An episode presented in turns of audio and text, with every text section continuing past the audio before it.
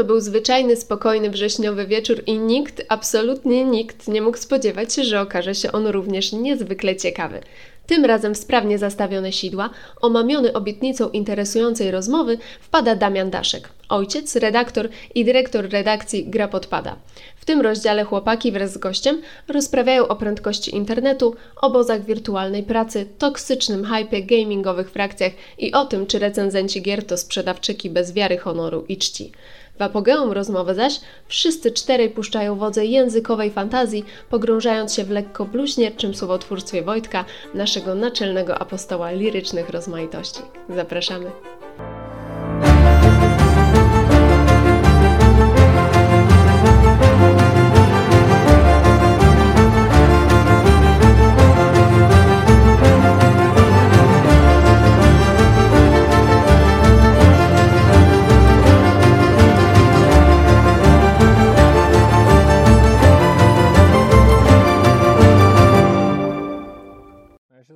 Ja nie mogłem wejść do domu. Ja jestem opóźniony, nie mogę wchodzić do domu. Zamyka, zacinam się w mieszkaniu. Byłeś jak, byłeś jak Sims, pozostając tak w temacie dzisiejszych pewnie rozważań, nie? Pewnie tak. Sims bez drabinki. To tak, jak, tak jakbyś, wiesz, wszedł do pokoju drzwiami, a ktoś nagle sprzedał ci te drzwi i widziałbyś ścianę, nie? Takie what the fuck.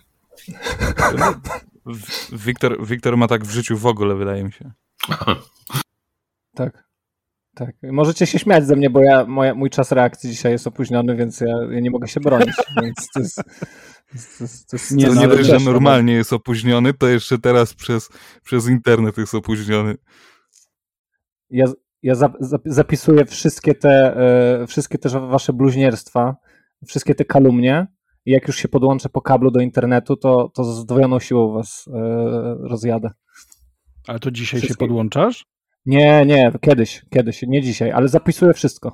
Widzę, że wszyscy mamy jakieś przeboje z internetami, e, lepsze czy gorsze, bo ja na przykład w ogóle nie mam internetu i kolejne nagranie jestem u kuzynki, także pozdrawiam moją kuzynkę Magdę, która pozwoliła mi mm, na skorzystanie ze swojego internetowego. Też chociaż w Telfordzie? Tak, chociaż w Telfordzie i dosłownie 5 minut jazdy od nas, także niedaleko. E, no to dlaczego nie masz internetu? Bo mój dostawca jest kurwą. Co to znaczy? On bo mnie odciął od internetu. Słuchaj, nie wiem, bo oni w ogóle są upośledzeni i to mocno, chyba gorzej od ciebie, Wiktor. Hej, hej, hej, hej. Tylko ja mogę się no, śmiać. Szybko zareagował. Szybko Ale szybko, szybka reakcja była, także zajebiście. No. E, no i we, we, czwartek, we czwartek siedzę sobie w pracy, rozumiesz, i nagle e, wyłączyło mnie, odcięło mnie od internetu. I mówię, co jest, kurczę, coś jest nie tak. I zadzwoniłem do nich po jakichś tam 20 minutach, bo myślałem, że to jest chwilowe i baba mówi do mnie, znaczy sekretarka mówi do mnie, baba. jest problem, tylko tyle się dowiedziałem, że jest problem i za godzinę będziesz miał internet. Po godzinie nie było internetu, zadzwoniłem jeszcze raz. Powiedzieli, znowu mi sekretarka powiedziała, jest problem. Będziesz miał internet za godzinę. Internet wrócił, był dwie godziny, znowu mnie wywaliło, zadzwoniłem do nich, baba do mnie mówi, no bo mamy problem i nie będziesz miał internetu do następnego piątku. Wojtek, czy to dlatego, że jesteś imigrantem z Polski? Tak, pewnie tak.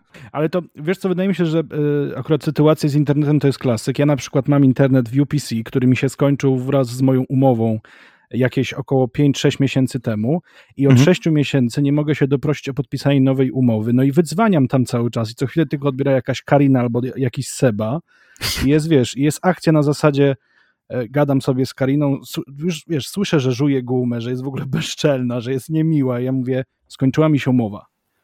Chcę podpisać nową dajecie mi rzeczy, których ja nie chcę. Mam HBO, którego nie potrzebuję, bo z niego nie korzystam.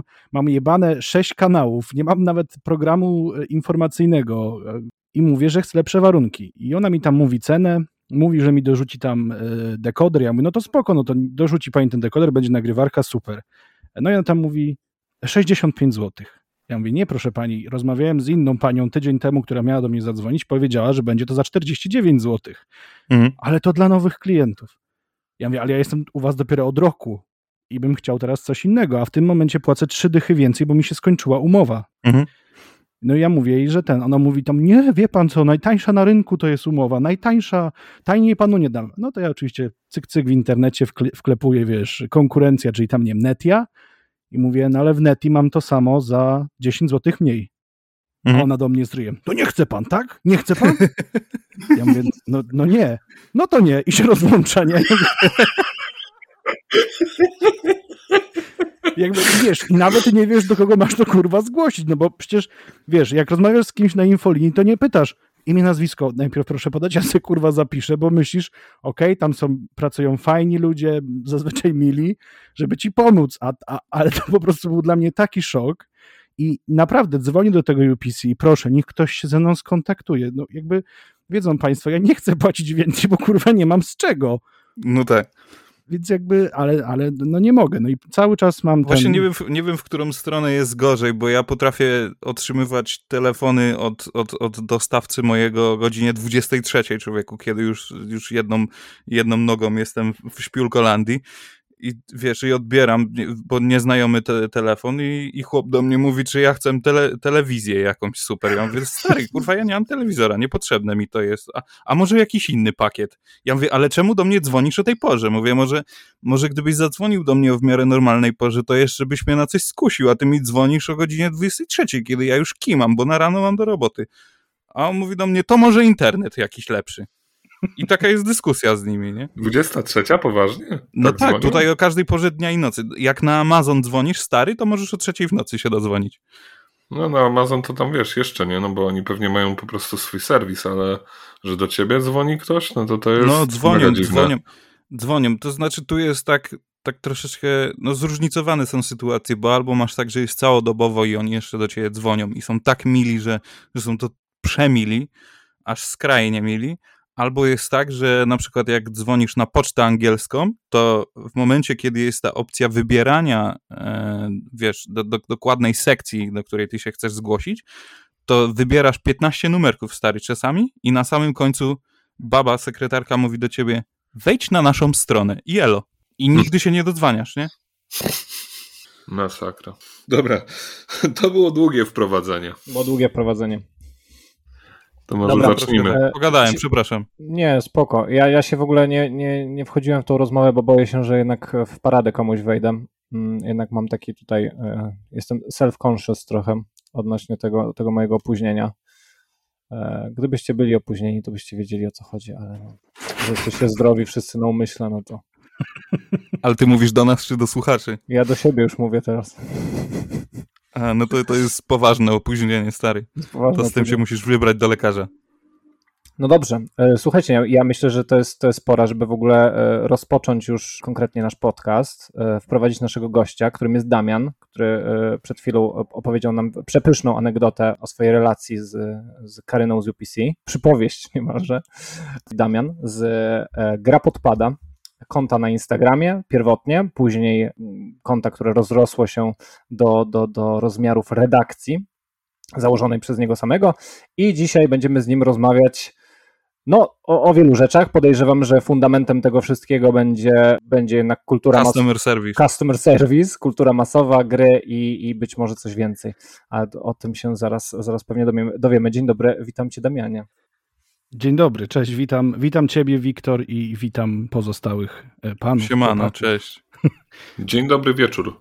No dzień dobry też, powiem kulturalnie. Dzień dobry, dobry wieczór wszystkim. No, niezależnie gdzie nas słuchacie, o której porze, to możemy sobie mówić różne powitania. Tak, tak. I zgadzam się z tym. Pięknie. Ja, ja może w tymczasem już tak e, ruszę z kopyta i zadam Ci pierwsze pytanie, które mam nadzieję będzie takim e, katalizatorem do, do, do bardzo rozbuchanej dyskusji. I e, chciałbym się dowiedzieć, kiedy po raz pierwszy poczułeś wezwanie do wirtualnych światów, bo będziemy z początku pewnie rozmawiać o tych wirtualnych, czyli grach, bo to, bo tak zresztą nazywa się Twoja działalność, gra podpada, więc podejrzewam, że wokół tego orbitują twojego, Twoje zainteresowania główne. tak, tak faktycznie jest, ale zanim przejdziemy do tego świata wirtualnego, no to ja jeszcze na wstępie, żeby tak miło było, e, chciałem Wam panowie bardzo podziękować za zaproszenie. Jest mi niezmiernie miło, że mogę tutaj z Wami się dzisiaj spotkać wirtualnie i e, porozmawiać. E, no ale tak, jak mamy mówić o wirtualnym świecie, kiedy mnie tam pierwszy raz coś zawołało, wydaje mi się, że to było jeszcze w przedszkolu.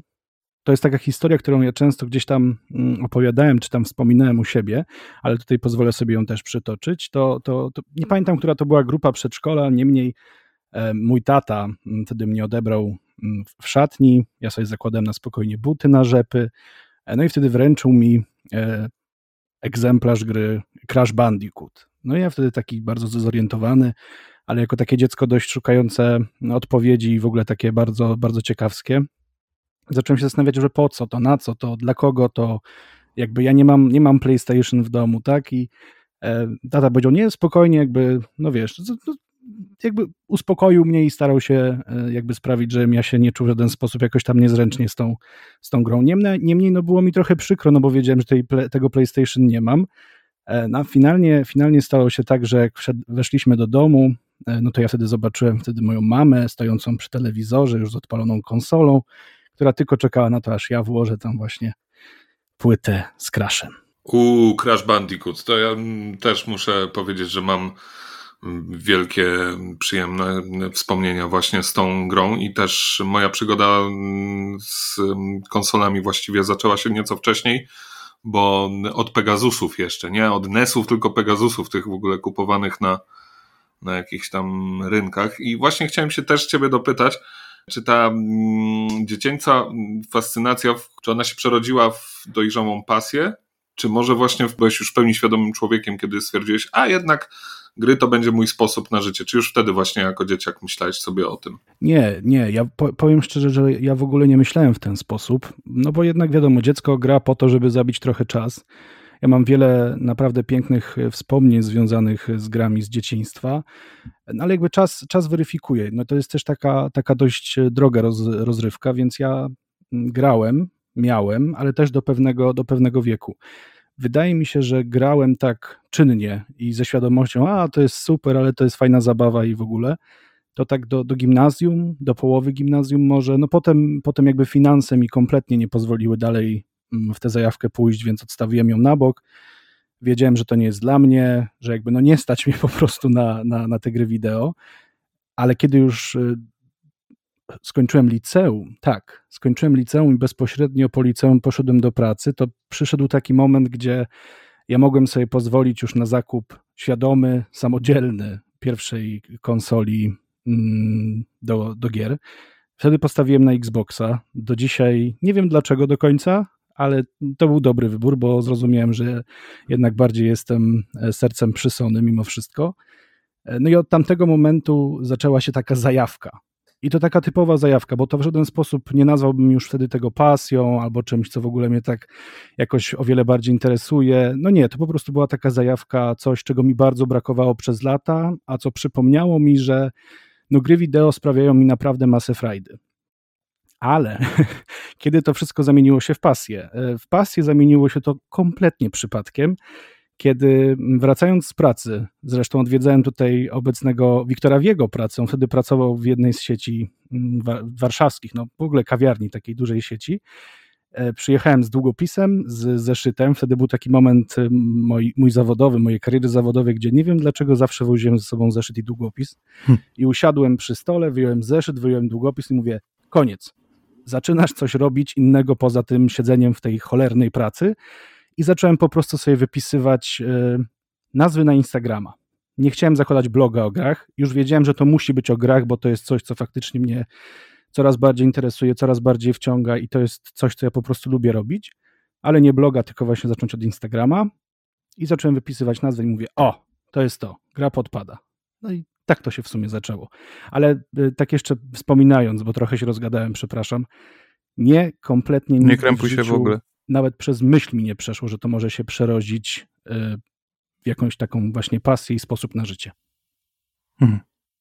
Ja przypominam, że w ogóle e, e, wtedy e, Damian, jak i wielu innych z moich znajomych, uprawiało obrzydliwy akt pasożytnictwa na owocach mojej gastronomicznej pracy i, i, to, i to prawdopodobnie te kalorie zasiliły ten pomysł, pozwoliły neuronom pracować, więc no, Nie, nie ma... To dobrze, bo ostatnio nawet widziałem, że niektórzy zawodowi gracze czy streamerzy reklamują jakieś tam suplementy diety, witaminki, jakieś tam e, specjalne pożywienia. A w przypadku Także, tego no, sukcesu wystarczyły wiadomo. kanapki i kawa i herbata. Nawet. Tak, mi nie, mi nie było potrzebne żaden, żaden magiczny proszek do wody, który sprawi, że będę miał masę energii, żeby tak, grać. Tak, tak. Są, są takie reklamy specja- specyficzne, pewnie o tym mówisz, Rysiek teraz wszystkim graczom, to jak wchodzę na przykład na Twitcha, pooglądać co tam się dzieje, nie, to właśnie y, widzę co chwilę jakieś te proszki chyba na H, nie będę nazwy tutaj eee, rzucał. Niech zapłacą, jak chcą, żebym tak. mówił. a, co tam? Tak, też się pojawiają takie, takie bardzo pocieszne e, reklamy z takim sympatycznym, pulchnym, e, wąsatym panem, E, które e, powiem szczerze, że nawet mnie, nawet mnie rozśmieszają. Nie wiem, czy mówimy o tym samym produkcie. E, takie nie wiem, może, wyjątkowo może, absurdalne scenariusze tam.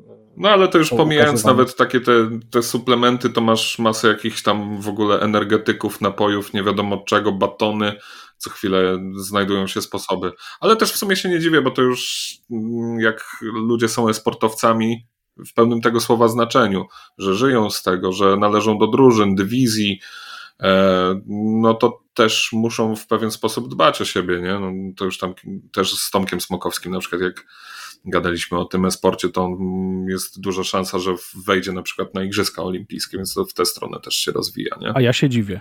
Ja się dziwię i to bardzo. Szczerze mówiąc. Bo e, powiem wam, że to jest e, ja miałem okazję dostać maila od jednej z takich firm e, z zapytaniem, czy chciałbym pokazać. E, powiedziałem, że nie, bo jakby no nie używam, nie pijam. Energetyki porzuciłem bardzo dawno temu, to jest coś podobnego, więc no ja jestem jakby kawoszem bardziej, team kawa.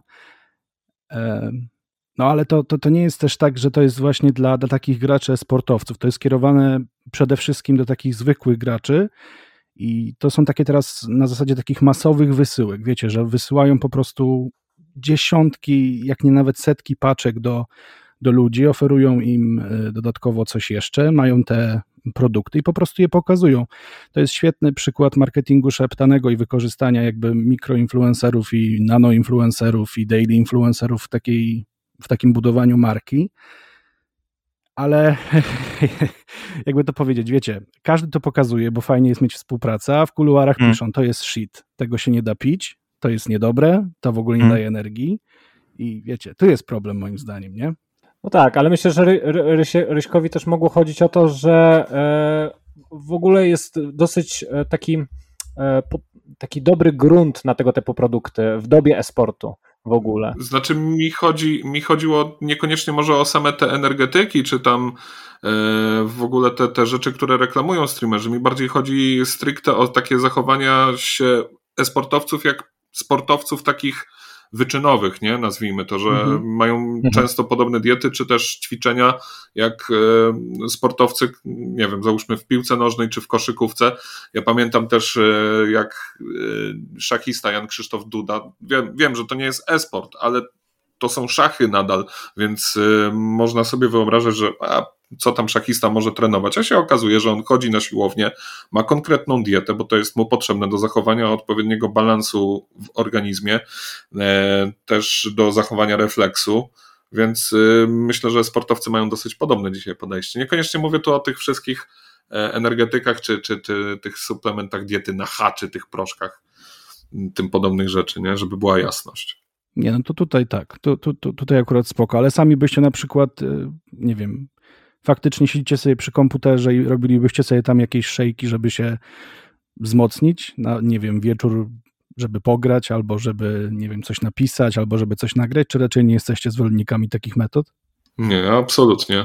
Ja nie widzę potrzeby. Ja osobiście nie. Poza tym ja muszę też wtrącić, że chyba jestem najmniej gamingowy z naszej czwórki, ale miałem styczność z wieloma z zapalonymi gamerami, którzy może niekoniecznie są e-sportowcami, ale potrafią spędzić długie godziny przed komputerem czy konsolą.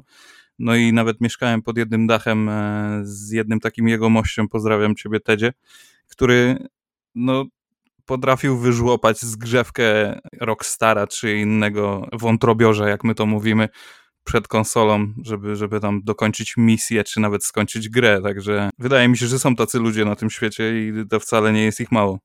Ze mną to jest w ogóle jeszcze inaczej, bo jak sobie wypiję jedną kawę dziennie, to mi wystarczy. Mm, ewentualnie dwie czasem, ale mega rzadko. Natomiast jeżeli chodzi o wieczorne granie, bo ja najczęściej gram sobie wieczorem po pracy, nie wiem, woda, ewentualnie herbata jakaś, nic, nic innego. No właśnie, ja mam, ja mam dość podobnie, szczerze mówiąc. I nie, że ja tutaj hejtuję, że ktoś sobie coś tam pije, nie no, śmiało.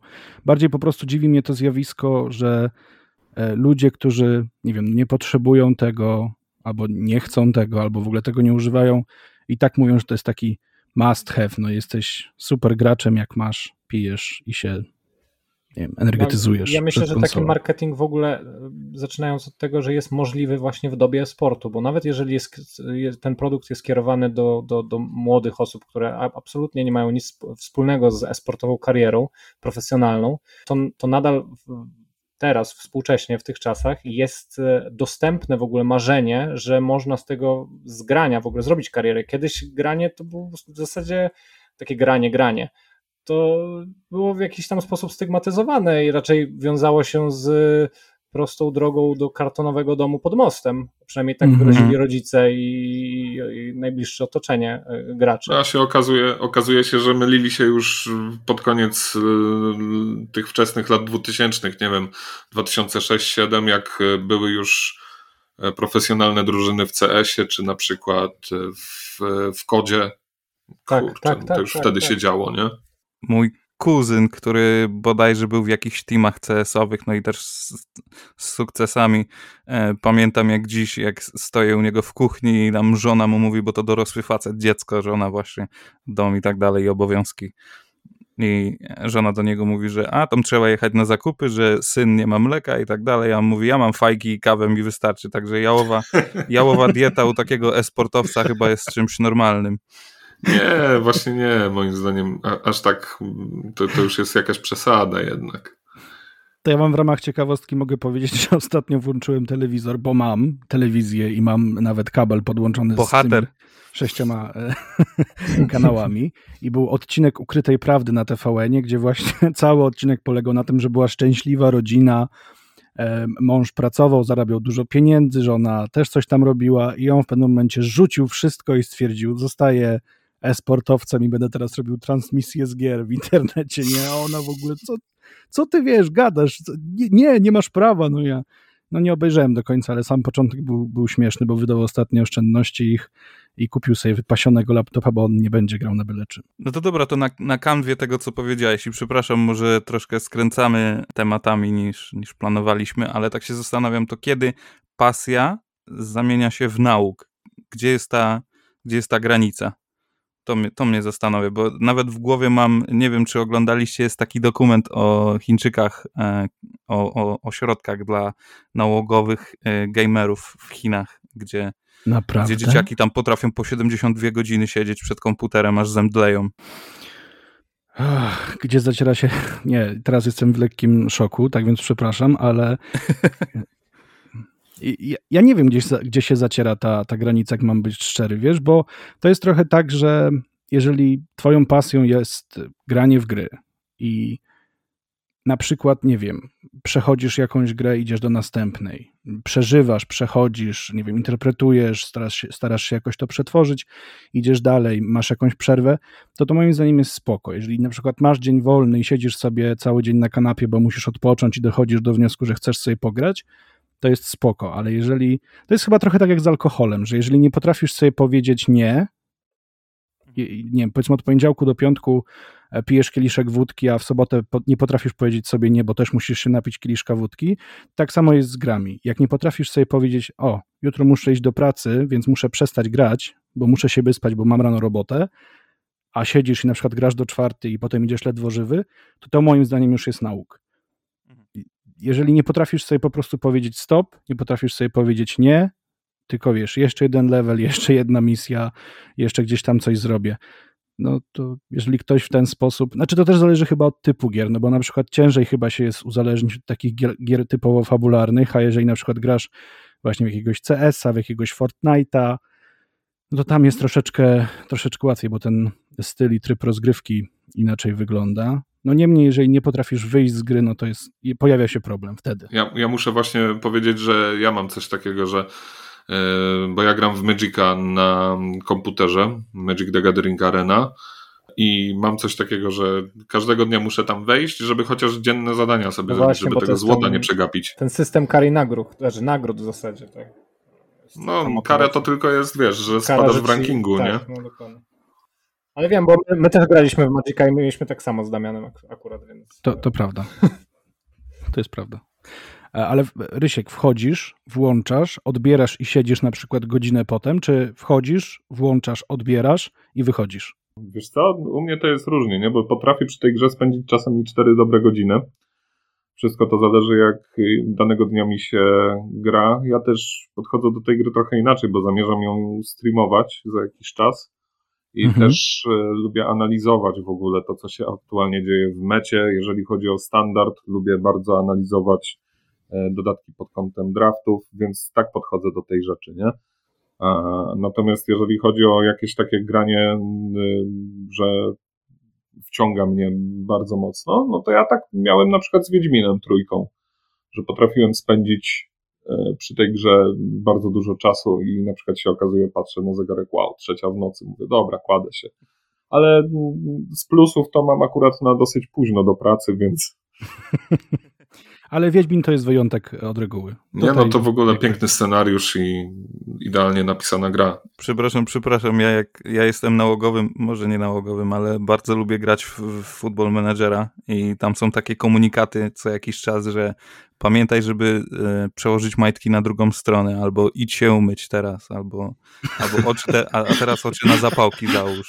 To, to dobre, dobre, to ja że pamiętam jak już też... za długo siedzisz, że masz za długą sesję, to ci wyskakuje taki tak. komunikat. Ja pamiętam też w Baldurze, w Baldur's Gate 2 był e, taki tekst, tam e, jak przechodziłeś z jednej mapy do drugiej, to czasem miałeś takie plansze z informacjami, że klikając spację, to możesz zrobić sobie szybką pauzę, żeby rzucać tam czary, zaplanować akcje i tak dalej, ale też była taka informacja, e, mimo że twoi bohaterowie nie muszą niczego jeść w grze, pamiętaj, że z tobą jest inaczej, czy coś takiego.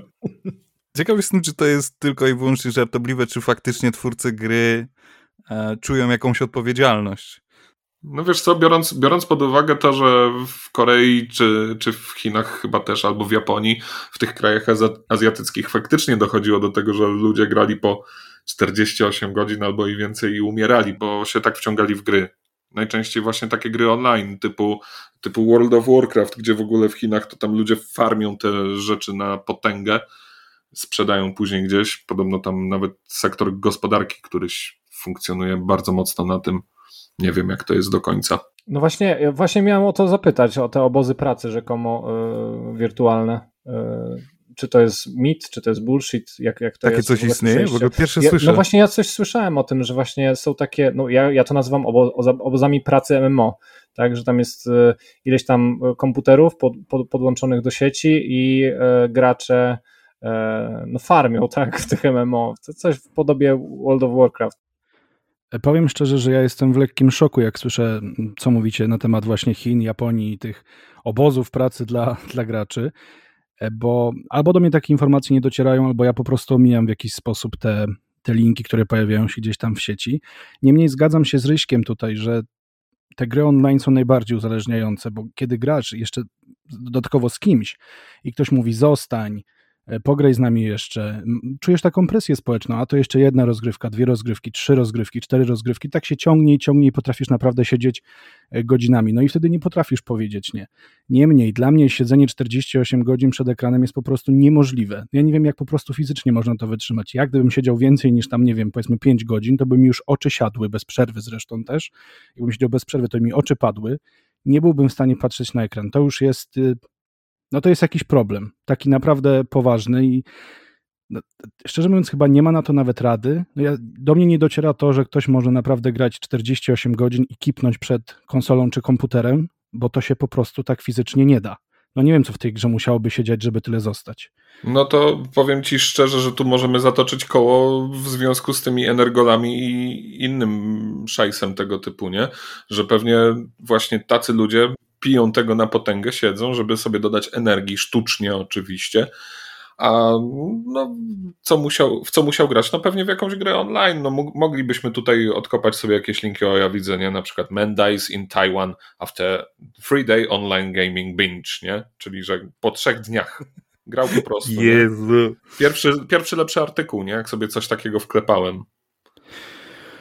No, mam takie ciarki grozy, ciarki żenady, bo dlatego też zresztą nie popieram tych tego typu napojów przy, przy graniu, bo jak się człowiekowi chce spać, to idzie spać. Tak mogę w ramach ciekawostki powiedzieć, że ja usnąłem dwa razy w życiu z padem w ręku.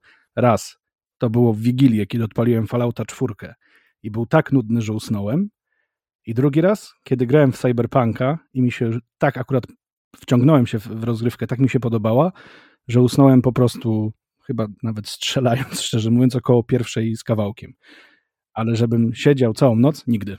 O tego Cyberpunka też chciałem Ciebie zapytać przy okazji właśnie, nie? Czy udzielił Ci się tak mocno hype, czy się zawiodłeś tą grą? Bo ja na przykład, mi się udzielił hype, nie? Ja sobie na przykład na PS-ie 4 na swoim koncie ustawiłem tapetę z Cyberpunkiem, tak mocno na tę grę czekałem, a jak tylko ją dostałem, no to raz odpaliłem, dwa razy, nie? Ale to też ze względu na to, że jestem bardzo leniwy, i muszę zanieść swoją konsolę na czyszczenie, żeby mi ona po prostu nie odfrunęła przy tym cyberpunku. Niemniej jednak właśnie to był jeden z głównych powodów, dla których odechciało mi się chwilowo grać w tę grę i nie tylko mnie ten problem spotkał z tego co ja wiem. No, co, co, co sądzisz po takim czasie już o tej grze? Znaczy, ja teraz mogę podejść do tematu bardzo już na chłodno i mogę chyba tak naprawdę przeprosić, bo e, mi się nie dość, że hype udzielił, w związku z Cyberpunkiem, to ja również bardzo ten hype nakręcałem. Masa postów, masa relacji. Ja wręcz odliczałem moment do momentu, kiedy ta, ta gra miała być mm, już, już na rynku. Ja robiłem odliczania na Facebooku, na Instagramie. Ja urlop wziąłem w pracy, który dwa razy przekładałem zresztą. E, specjalnie tylko po to, żeby po prostu zostać w domu i pograć w tego Cyberpunka. W dniu premiery miałem tam jakieś specjalnie, w ogóle odłożyłem sobie pieniądze, żeby go pojechać kupić. Wstałem o godzinie już o 6, ja już nie mogłem spać. Ciemno na zewnątrz, zimno na zewnątrz, bo to przecież środek zimy. A ja już w, do, w mieszkaniu siedziałem, okno otwarte, czapka na głowie, już sobie tam, wiecie, podgrzewałem pewien produkt, z którego korzystam w ramach jakiegoś tam nałogu e, i siedziałem po prostu i mówię tak, Boże, dobra, to zaraz będą otwierali ten Empik, to ja już niedługo będę mógł wychodzić. Empik otwierają o 10, to ja wsiadam, jadę. E, jak już pojechałem w ogóle wcześniej, dojechałem tam chwilę po 9, mimo że sklep miał być otwarty o 10, okazało się, że już był otwarty po 9 biegłem wręcz, wiecie, jakbym, nie wiem, po prostu bał się, że zaraz to wykupią. Byłem jedynym klientem, który akurat był w sklepie. E, wziąłem tego cyberpunka, no i tak chodzę między tymi półkami, tu patrzę, jeszcze figurki Funko Pop, tu patrzę, jakiś poradnik do gry, tu patrzę, jakaś książka, nie? Wiem, i tak, dobra, wchodzę na konto, patrzę, bo byłem świeżo po wypłacie, liczę sobie, dobra, to za tyle dni ci wpłynie jeszcze druga wypłata, dobra, to sobie możesz pozwolić na więcej, więc wziąłem grę, wziąłem e, ten encyklopedię do gry, jeszcze tam potem chyba nawet tego samego dnia gdzieś się pojawia promocja na te Funko Popy, więc jeszcze sobie zamówiłem Johnego Silverhanda w ogóle, ja byłem strasznie nakręcony. Ja byłem tak po prostu zajarany, że ja wróciłem do domu spocony, zmęczony. Włączyłem tę grę do tej konsoli. Patrzę, boże, będzie się nie dość, że ściągała, to się jeszcze będzie aktualizowała. I jak włączyłem, to było takie, jakbym po prostu, ładnie mówiąc, przywalił głową w mur. Bo nie spodziewałem się, że ta gra będzie tak zbugowana. Nie spodziewałem się, że będzie tak niedorobiona i będzie miała tyle błędów. Niemniej, to dla mnie nie miało kompletnie żadnego znaczenia w tej chwili. W tej chwili zresztą też nie ma. E, ja nawet powiedziałem, powiedziałem i na, wielokrotnie, wiele, wiele razy nawet napisałem, że błędy w cyberpunku to jest coś, co można naprawić. I ile, by, ile byśmy na tym CD projekcie nie wieszali psów, to jest coś, co możemy wziąć, naprawić, zmienić, poprawić i mamy nad czym pracować. W cyberpunku rzekający był świat, historia i bohaterowie. I to wystarczy tej grze. To, że ona tam się zacina, to, że ona jest nie taka, jak powinna być, okej. Okay. To, tak jak powiedziałem, zawsze można to zmienić. Historii już nie zmienią. I dzięki Bogu, że nie muszą tego robić, bo po prostu cała historia V, e, sposób w ogóle jej prowadzenia jest po prostu dla mnie fantastyczny, więc ja się nie będę ich czepiał, ale też warto o tym wspomnieć, że faktycznie wydali grę, która nie powinna się na rynku ukazać, bo ona nie powinna się ukazać w grudniu. Ona powinna się ukazać może teraz, może dopiero za jakieś 3-4 mm -hmm. miesiące. Mm -hmm. I wtedy byśmy dostali produkt, za który zapłaciliśmy. Ja wam powiem, że miałem taką sytuację wczoraj, miałem takie przemyślenia, nawet takiego mema trochę zrobiłem, wrzuciłem go na Facebook, bo e, teraz gra kosztuje chyba na zagranicznych e, e, sklepach, na Steamie i na konsolach PlayStation w PS Store około 10 dolarów chyba. Tak, ja bardzo szybko premiery zapłaciłem 280 zł.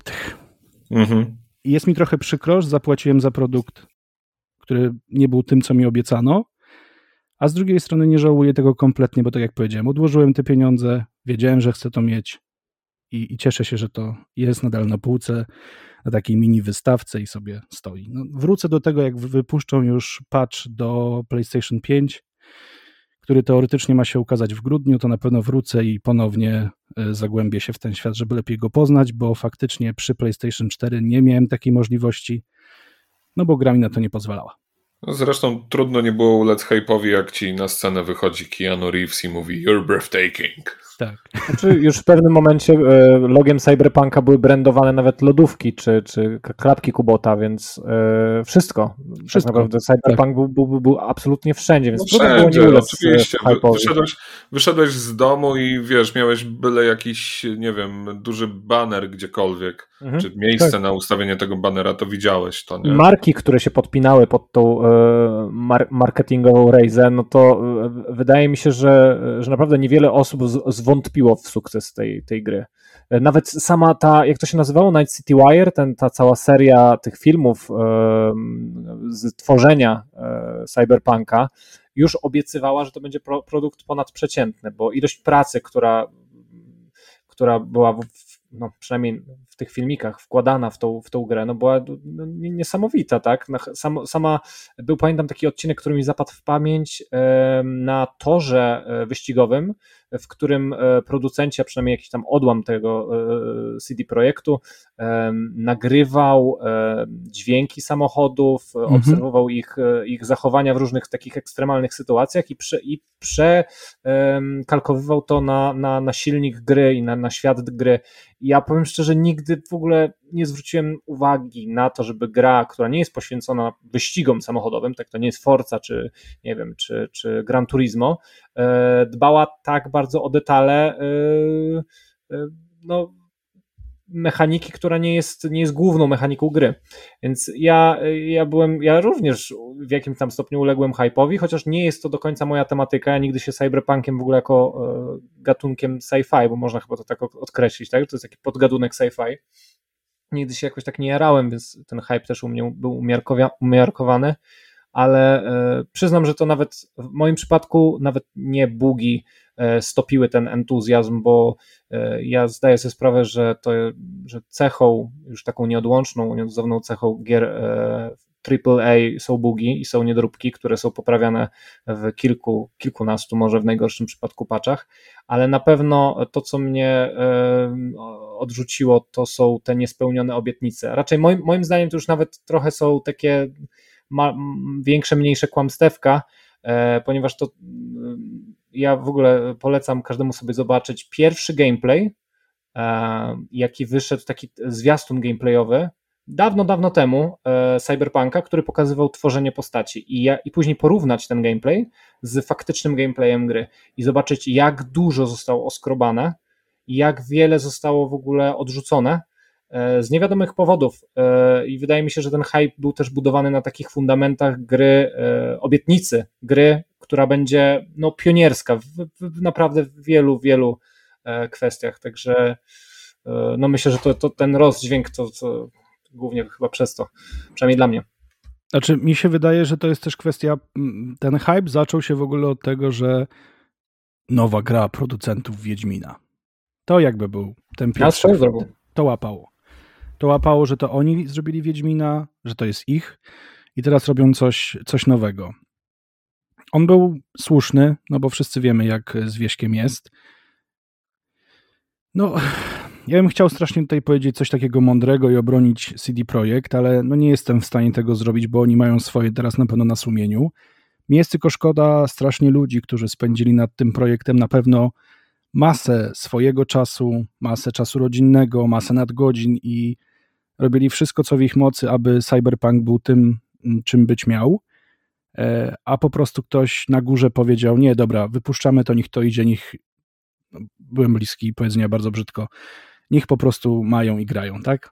No bo tak. zapewne tak było. No nie wierzę w to, że nikt tam nie siadał z, z osób, które tworzą grę, czy ją tworzyły i nie powiedział: Kurwa, to nie może wyjść teraz. Nie ma opcji. Musimy poczekać jeszcze rok. Nie chce mi się w to wierzyć, że człowiek, który pracował nad tym 7 lat i włożył w to swoją pracę, swoje serce i w ogóle pewnie, nie wiem, jakby przenosił to, co ma w głowie na, na ekran komputera, powiedział: A dobra, niech idzie. Co ma być, to będzie. Inspirując się troszeczkę słowami Wiktora i cytując polskiego wieszcza hip-hopu Ryszarda Peje, premierę e, Cyberpunka można e, podsumować tymi słowami Ługi Bugi Max rozjebka. No, no, no. Pięknie podsumowane, pięknie. Tak, tak, tak. tak. Adekwatnie. Dziękujemy Ci Ryszardzie. Pejo, Andrzejewski. Tak, Pozdrawiamy ja, pana Ryszarda Peje. Tak, tak ja jest. też pozdrawiam. Raz stałem obok niego w jednym sklepie, więc jest, jest mi blisko do niego. Chciałem odbić teraz temat w ogóle zupełnie inny, bo ty przed chwilą mówiłeś, znaczy przed chwilą, parę minut temu w sumie, bo teraz trochę w tym cyberpunku siedzieliśmy. Mówiłeś, że masz zamiar tę grę sobie odpalić na PS-ie 5, a wcześniej jeszcze mówiłeś o tym, że pierwsza taka konsola po latach, którą sobie sprawiłeś już za swoje pieniądze, to był Xbox. Jak patrzysz na tę wojnę konsol, która trwa cały czas i się nigdy nie zakończy? Ona mnie strasznie bawi. W sensie, ja uwielbiam to takie przekrzykiwanie się graczy, a bo Xbox jest lepszy, a bo PlayStation jest lepsze, gdzie finalnie okazuje się, że najlepszy jest komputer. To bawi. Ja czasami trochę pół żartem, pół serio piszę na przykład gdzieś tam u siebie albo wrzucam, że haha, e, wiecie, tutaj nowy, nowy wychodzi ekskluzyw na PlayStation, na Xboxie w to nie pogracie. Ta wojna konsolowa jest, była i będzie. Po co ona w ogóle funkcjonuje, to no nie, mam, nie mam w ogóle pojęcia. Ja osobiście stawiam na PlayStation ze względu właśnie na te mm, gry ekskluzywne, które moim zdaniem po prostu wygrywają. A z drugiej strony Xbox ma do siebie to, że jest troszeczkę bardziej dostępny dla wszystkich. Ma więcej tych abonamentów i subskrypcji, gdzie mamy dostęp do wielu tytułów i nie musimy wydawać masy pieniędzy na, na gry. Może gdybym e, nie robił pewnych rzeczy w sieci i po prostu, tak już mówiąc kompletnie szczerze, nie dostawał tych gier za darmo e, do, do grania i zrecenzowania, to byłoby trochę inaczej. E, I wtedy bym na przykład grał na Xboxie, miałbym dostęp do ogromnej bazy mm, nowości po prostu w ramach takiego Game Passa. Ale te, te wojny nie, no to, to jest dość zabawne, bo, bo naprawdę ludzie się przekrzykują i te argumenty jednej i drugiej strony są są dość e, sensowne i dość konkretne, ale to no nie ma to żadnego znaczenia. Konsola to jest konsola i tak wygrywa w tym wszystkim, jeżeli chodzi o jakość i, i ilość dostępnych tytułów PC, no jakbyśmy sobie porównali ilość gier ze Steama czy Goga z ilością gier dostępnych w PlayStation Store czy w Xbox Store, chyba tak się nazywa? Nie wiem, nie wiem jak się nazywa Store na Xboxie, przepraszam. E, to i tak ten, ten PC wygrywa. No ale mm, konsole od Sony mają te ekskluzywy, mają bardzo dobry marketing i, i wydaje mi się, że tym właśnie kupują sobie po prostu graczy. Ale to nie jest tak, że Xbox też jakby rozkłada ręce i udaje, że się nic nie dzieje, bo przecież ostatnio kupili sobie całą Bethesdę i teraz e, podczas e, targów E3 ogłosili, że będzie kilka takich ekskluzywów właśnie od Bethesdy tylko i wyłącznie dla nich przygotowanych. No i wtedy oczywiście był wielki śmiech i płacz w sieci, haha, to my będziemy mieli teraz ekskluzywy od Bethesda, wy nie będziecie mieli, nie będziecie mogli w to grać. Taka trochę dzieci nada. No z drugiej strony od tej Bethesdy, jak dostać takiego Fallouta drugiego 76, to ja dziękuję, nie? Takiego ekskluzywa mieć. No, no i właśnie, właśnie tu, jest, i tu jest pies pogrzebany, prawda? Bo nie wiemy, jakiej, jakiej jakości będą e, te gry. Ale tak w ogóle podsumowując e, te, te, moją odpowiedź na Twoje pytanie, dla mnie to jest dzieci nada, nie ma się o co e, sprzeczać, nie ma się o co kłócić, co zresztą bardzo dobrze pokazujemy właśnie na www.grapodpada.pl, ponieważ to jest miejsce dla każdego gracza i nieważne w co grasz i na czym grasz, ważne, żebyś po prostu czerpał z tego przyjemność. Śmieszne jest to, że ta wojna ma swoje kolory, znaczy te frakcje mają kolory niebiescy i zieloni, uwielbiają się tak wyzywać. Jeszcze czerwoni są, teraz Nintendo przecież, tak? Czerwoni tak. zawsze, zawsze czyhają. Czerwoni, no tak, czerwoni zawsze. Tam ze, ze wschodu wieje, a faktycznie Nintendo to się zgadza, nie? Że, że to na wschodzie. Ale mają mocny argument ostatnio, ten Pokémon Unite, nie? który jest, no powiem szczerze, fascynującą gierką. Wciąga. Jest bardzo przyjemna gra, tak, tak. Wciąga, ale ja już nie grałem od dłuższego czasu, bo mi się, bo ja nie lubię takich właśnie online'ówek. Odechciało mi się po e, trzech dniach. E, ale Nintendo, czy, czymś Nintendo wygrywa? Cenami, wiecie? Ale gier, gier y, w storze, bo pudełkowe gry Nintendo są cholernie drogie. Tak, gry na płycie, jak sobie kupić Mario Party na przykład, czy Legend of e, Zelda, masakra, nie? Ile to no. trzeba płacić. Konsola stosunkowo tania, ale te gry są zabójczo drogie. Ale właśnie jeżeli chodzi o te ekskluzywy, to Nintendo, sorry, najlepsze moim zdaniem ma. W sensie niedostępne dla, dla innych, nie? Pod tym względem. No oni mają takie 100% ekskluzyw. Nigdzie indziej w to nie zagrasz. I to są takie serie, które są na rynku, nie wiem, od 20 lat. I oni nadal mm -hmm. to wydają i nadal na tym trzepią hajs. Więcej nawet, nie? No bo przecież Super Mario czy, czy Legend of Zelda to, to już są stare gierki, jeszcze na NESy czy tam SNESy wychodziły. Do, dokładnie. A PC się nie broni jakimiś emulatorami w przypadku Nintendo? No ale nie pograsz w to legalnie. No tak. O, Legalna kultura, Wiktor, legalna. Tylko. Tylko, tylko. To ja się może przyznam do tego, że jedyne, jedyne Nintendo, jakie miałem, to Super Nintendo i grałem w Yoshiego, a fanem Pokémonów też jakimś wybitnym nie jestem. Coś tam oglądałem anime, ale to wszystko tak naprawdę. Aczkolwiek chciałbym zarzucić Pokebolem z pytaniem, i wrócić trochę do recenzji też, o których wspomniałeś. Czy fakt, że liczysz, czy li, liczycie na sponsorów i, i patronatów e, ogranicza was i wasze recenzje, że stajecie się troszecz, troszeczkę bardziej pobłaż, pobłażliwi dla, dla produktu? Jeżeli chodzi o sponsorów, to bardzo chętnie zapraszamy do kontaktu. Ja, ja jestem bardzo otwarty, naprawdę. Już, wiecie co, tak, oczywiście to powiedziałem pół żartem, pół serio, bo mm, wielu osobom wydaje się, ja nawet słyszałem takie komentarze w stosunku do naszego portalu, jakby no, do, no można tak nie skromić, do mojego portalu, który tam stworzyłem, tak, ktoś was musi, ktoś was utrzymuje, ktoś was sponsoruje. Ja wtedy zawsze tak rękę podnoszę, no, no mógłby, mógłby ktoś, bo, bo to na razie tylko ja za parę złotych miesięcznie za opłaty hostingowe i, i, i tak dalej. To jest bardzo dobre pytanie i to jest bardzo ciężkie pytanie, bo ja mogę mówić tylko za siebie i za osoby, z którymi ja współpracuję w redakcji, że nie. Że jeżeli, i tutaj mówię naprawdę serio, jeżeli do mnie by na przykład napisał wydawca, hej, wydajemy grę, prosimy o recenzję i ma być ona pozytywna, bo tak sobie życzymy, to ja od razu z miejsca mówię, nie ma takiej opcji. Po prostu czy wydawcy chcą mieć pozytywne. Znaczy, tutaj to jest w ogóle bardzo taki ciężki, y, ciężka sprawa do omówienia, bo e, wielu ludziom wydaje się, że właśnie wydawcom przykładowo i producentom zależy na tym, aby dostawać ten taki tylko pozytywny feedback, że wszystko jest mhm. zarąbiście, wszystko jest fantastycznie i genialnie, gdzie jest kompletnie inaczej. Bo oni też chcą usłyszeć, co jest do poprawy, co mogą zmienić w kolejnej grze, którą będą robić. E, my tego nie praktykujemy. Chociaż przyznam, że dostałem od kilku redaktorów na przykład zapytanie e, w przypadku, gdzie, nie wiem, dostaliśmy bilety do kina, albo dostaliśmy grę od większego wydawcy polskiego, czy, czy mam być łagodny, czy mogę wspomnieć o tym. Nawet telefony były z zapytaniem, Damian, wiesz, piszę już teraz tutaj recenzję i kurczę, nie wiem, czy o tym wspominać, czy tam się nikt od nich nie przyczepi, bo mm. świeża współpraca. Ja mówię, daj, dajcie spokój, ludzie, no piszcie, co myślicie. Przecież nie będziemy malować trawę na zielono i pisać, że wszystko jest pięknie i kolorowo i w ogóle cudownie, bo to nie ma sensu z bardzo prostego powodu. Jeżeli my, przykładowo, dostajemy od PlayStation do recenzji jakąś grę i ona będzie słaba, załóżmy, a my napiszemy dzięki PlayStation, super gierka, nigdy w lepszą nie graliśmy, najfantastyczniejsza na świecie, to potem nasi odbiorcy którzy nam na przykład zaufali, kupili z naszego polecenia, bo przeczytali naszą recenzję albo zobaczyli nasz post na mediach społecznościowych, wezmą, odpalą i pomyślą sobie, ku, kuźwa, co to jest? W to mhm. się nie da grać. Akurat w przypadku PlayStation takich sytuacji nie ma. Ich recenzje i gier zazwyczaj są pozytywne, bo to są po prostu dobre ekskluzywy.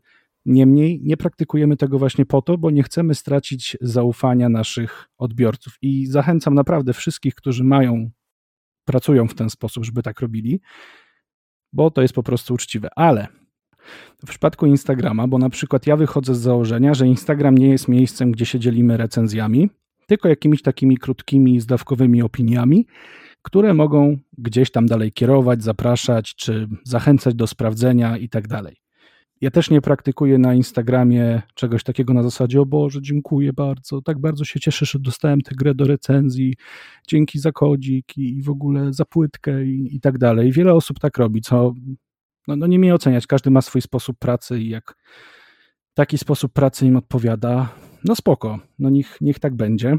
Mm, ja tak nie robię z prostego powodu, bo po prostu tak, tak nie lubię. Na nie lubię sztucznie słodzić. Teraz, już w tym momencie, w którym jestem dzisiaj, mogę to powiedzieć. Wcześniej, no było trochę inaczej czasami. Okej. Okay.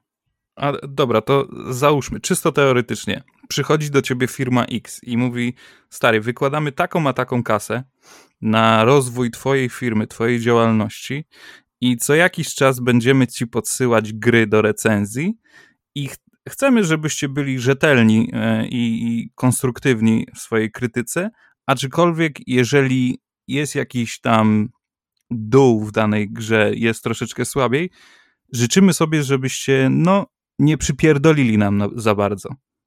Poszedłbyś na taki układ? Tak. A wiesz dlaczego? Bo my uprawiamy krytykę, a nie krytykanstwo. Krytyką nie jesteś w stanie nikomu przypierdolić. Piękna obrona, piękne wyjście. Tak, tak, zdecydowanie piękna obrona, tak.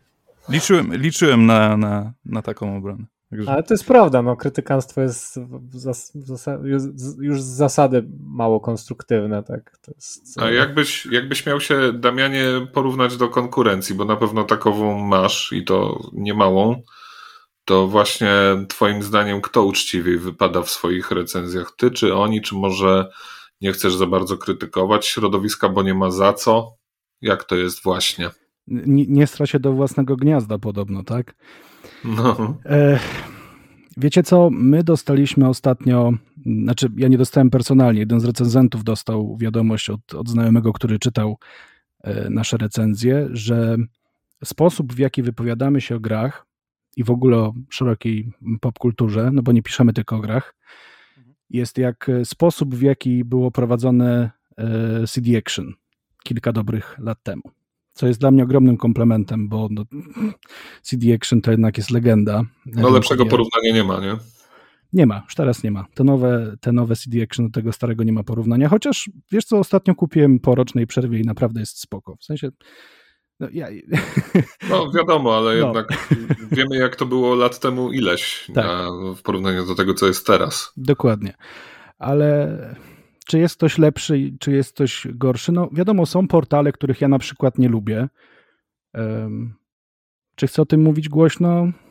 No to są, to powiem tak, nie lubię naprawdę prawdziwych, ogromnych gigantów. Nie lubię, bo, bo jakby szukam treści na mniejszych portalach. Niemniej, gry online to jest najlepszy polski, polski portal. Mają bardzo dobre recenzje z tego, co mi wiadomo, a przede wszystkim są zajebiście dopracowaną stroną i mają fantastyczną encyklopedię gier, z której ja korzystam przy recenzjach, przy podcastach, po prostu przy nawet jak piszę do wydawców maile z zapytaniami o kody, to pierwsze co robię to wchodzę na gry online, bo tam po prostu jest wszystko. To jest takie kompendium wiedzy o grach, którego w internecie nie ma. Nie ma takiego drugiego.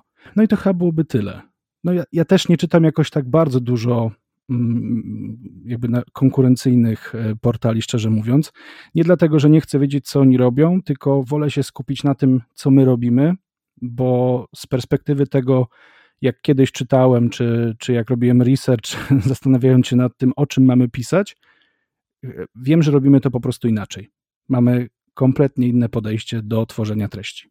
A dobra, trochę spinając klamrą e, temat Twojej branży, czy penetracja tak dużego rynku przez, no, umówmy się, może ustabilizowaną, mogę powiedzieć, że ustabilizowaną w pewnym sensie, ale nadal małą markę jest y, trudna? Bardzo. jest trudna przede wszystkim dlatego, że no jakby ja nie mam za sobą sztabu ludzi i specjalistów, załóżmy przykładowo od SEO, którzy mi pięknie spozycjonują e, nasze publikacje, nasze recenzje czy newsy, które publikujemy. E, to robimy, to, no to robię tak naprawdę wszystko ja w tym momencie, jak, jakimiś tam po prostu narzędziami, którymi dysponuję darmowymi, czy, czy wiedzą zdobytą, czy z polecenia, jak ktoś mi na przykład pomógł, opowiedział i jakoś wytłumaczył, jak to wszystko działa. Więc, więc wiesz, jest nam, jest nam na pewno ciężko się przez, przez to wszystko przebić. Ale z drugiej strony my działamy też w redakcji jako osoby, które robią coś poza tym, czy nie wiem, prowadzą sobie Instagrama, e, streamują gdzieś, więc jakby my bardziej działamy na takiej zasadzie polecania, wrzucania na socjale, my tym robimy sobie zasięg, no bo wejściami z przeglądarki, no ja mogę wam wprost powiedzieć, w tym momencie po czterech miesiącach prawie już pracy, e, jesteśmy tak pozycjonowani na 30 pozycji w Google, co wcale nie jest tragiczne, jak na pierwsze miesiące pracy, ale może mogłoby być lepsze. Niemniej ja jestem z tego bardzo zadowolony, bo skoro ludzie wchodzą mimo wszystko z tego polecenia i czytają, to znaczy, że się broni treść, a to było dla mnie najważniejsze. Słuchaj, e, Damian, jeszcze tak, e, bo już idziemy w takie kwestie organizacyjne, w kwestie, e, w tematykę redakcji Gra Podpada, do tego jeszcze dojdziemy, a w międzyczasie chciałbym się cofnąć do, do początków Twojej działalności i żeby od, odcyfrować Twoje motywacje,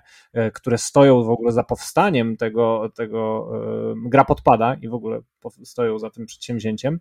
Chciałbym Cię zapytać, dlaczego, dlaczego akurat gra? Dlaczego mm, zawsze e, powtarzasz w, w różnych miejscach, czy to na Instagramie, czy na podcaście, że dla Ciebie najbardziej liczą się, liczy się opowiadanie historii i że to fabuła jest tym elementem, który najbardziej Cię do tych interaktywnych rozrywek przyciąga.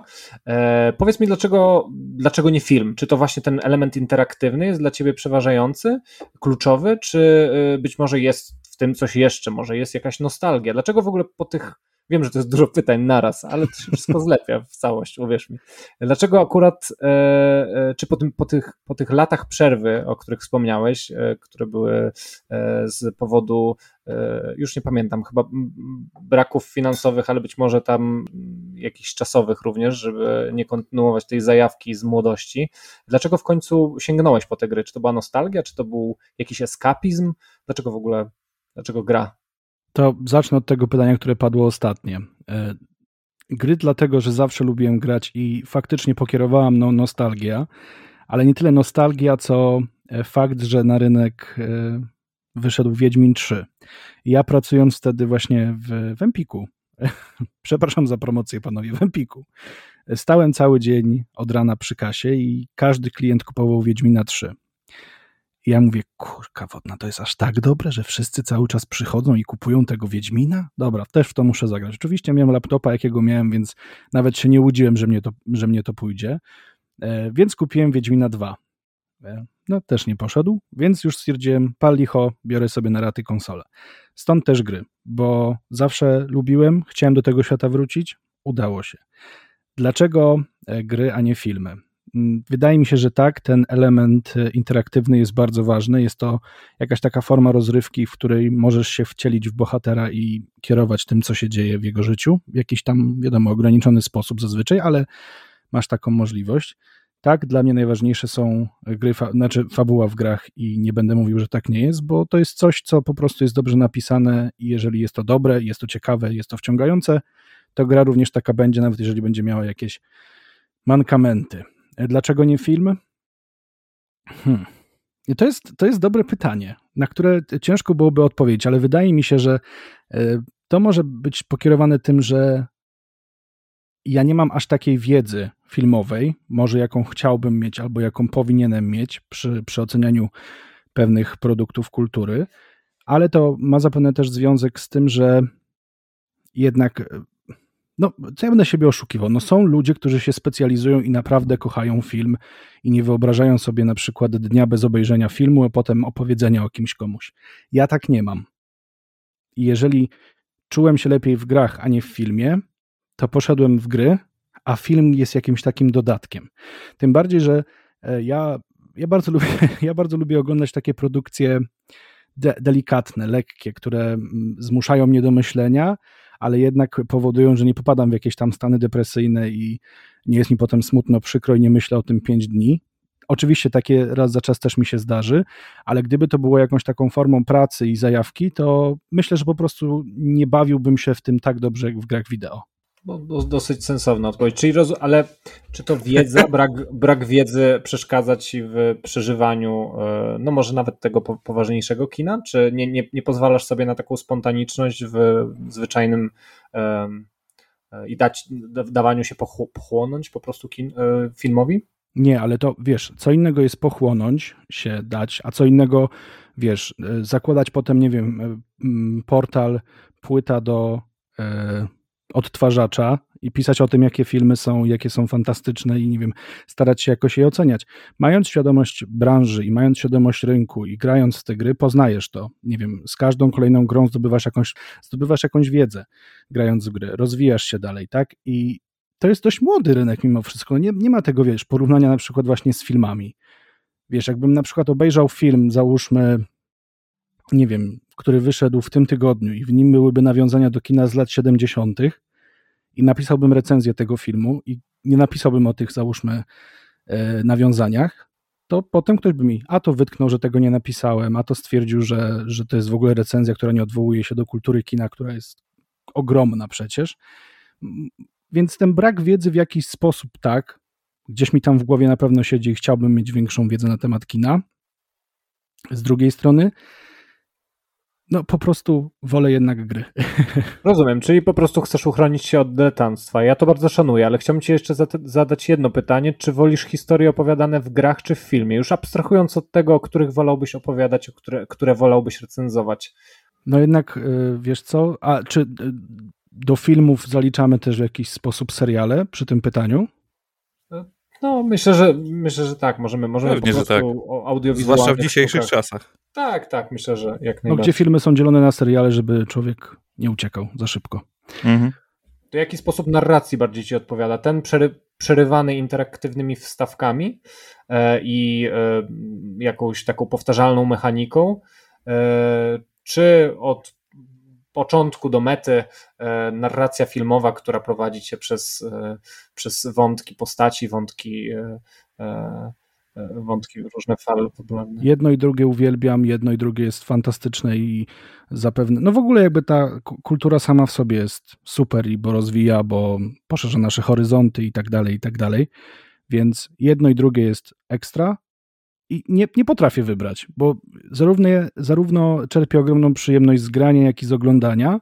Tylko tak jak powiedziałem, w przypadku zawodowym o grach mogę coś powiedzieć, o filmie niekoniecznie chcę to robić. Tylko chciałem zapytać, jak podszedł, o ile miałeś styczność, jak podszedł tobie pomysł z, z filmem fabularnym Netflixa, tym interaktywnym e, Czarne Lustro? Tak, tak. Ja to zaraz po premierze e, ograłem, zobaczyłem. Znaczy jest to na pewno coś ciekawego. Z tego co mi wiadomo, Netflix podobno będzie tam nawet teraz gry jakieś robił właśnie w nawiązaniu do swoich seriali. Na takiej zasadzie, czy jeszcze bardziej rozszerzone.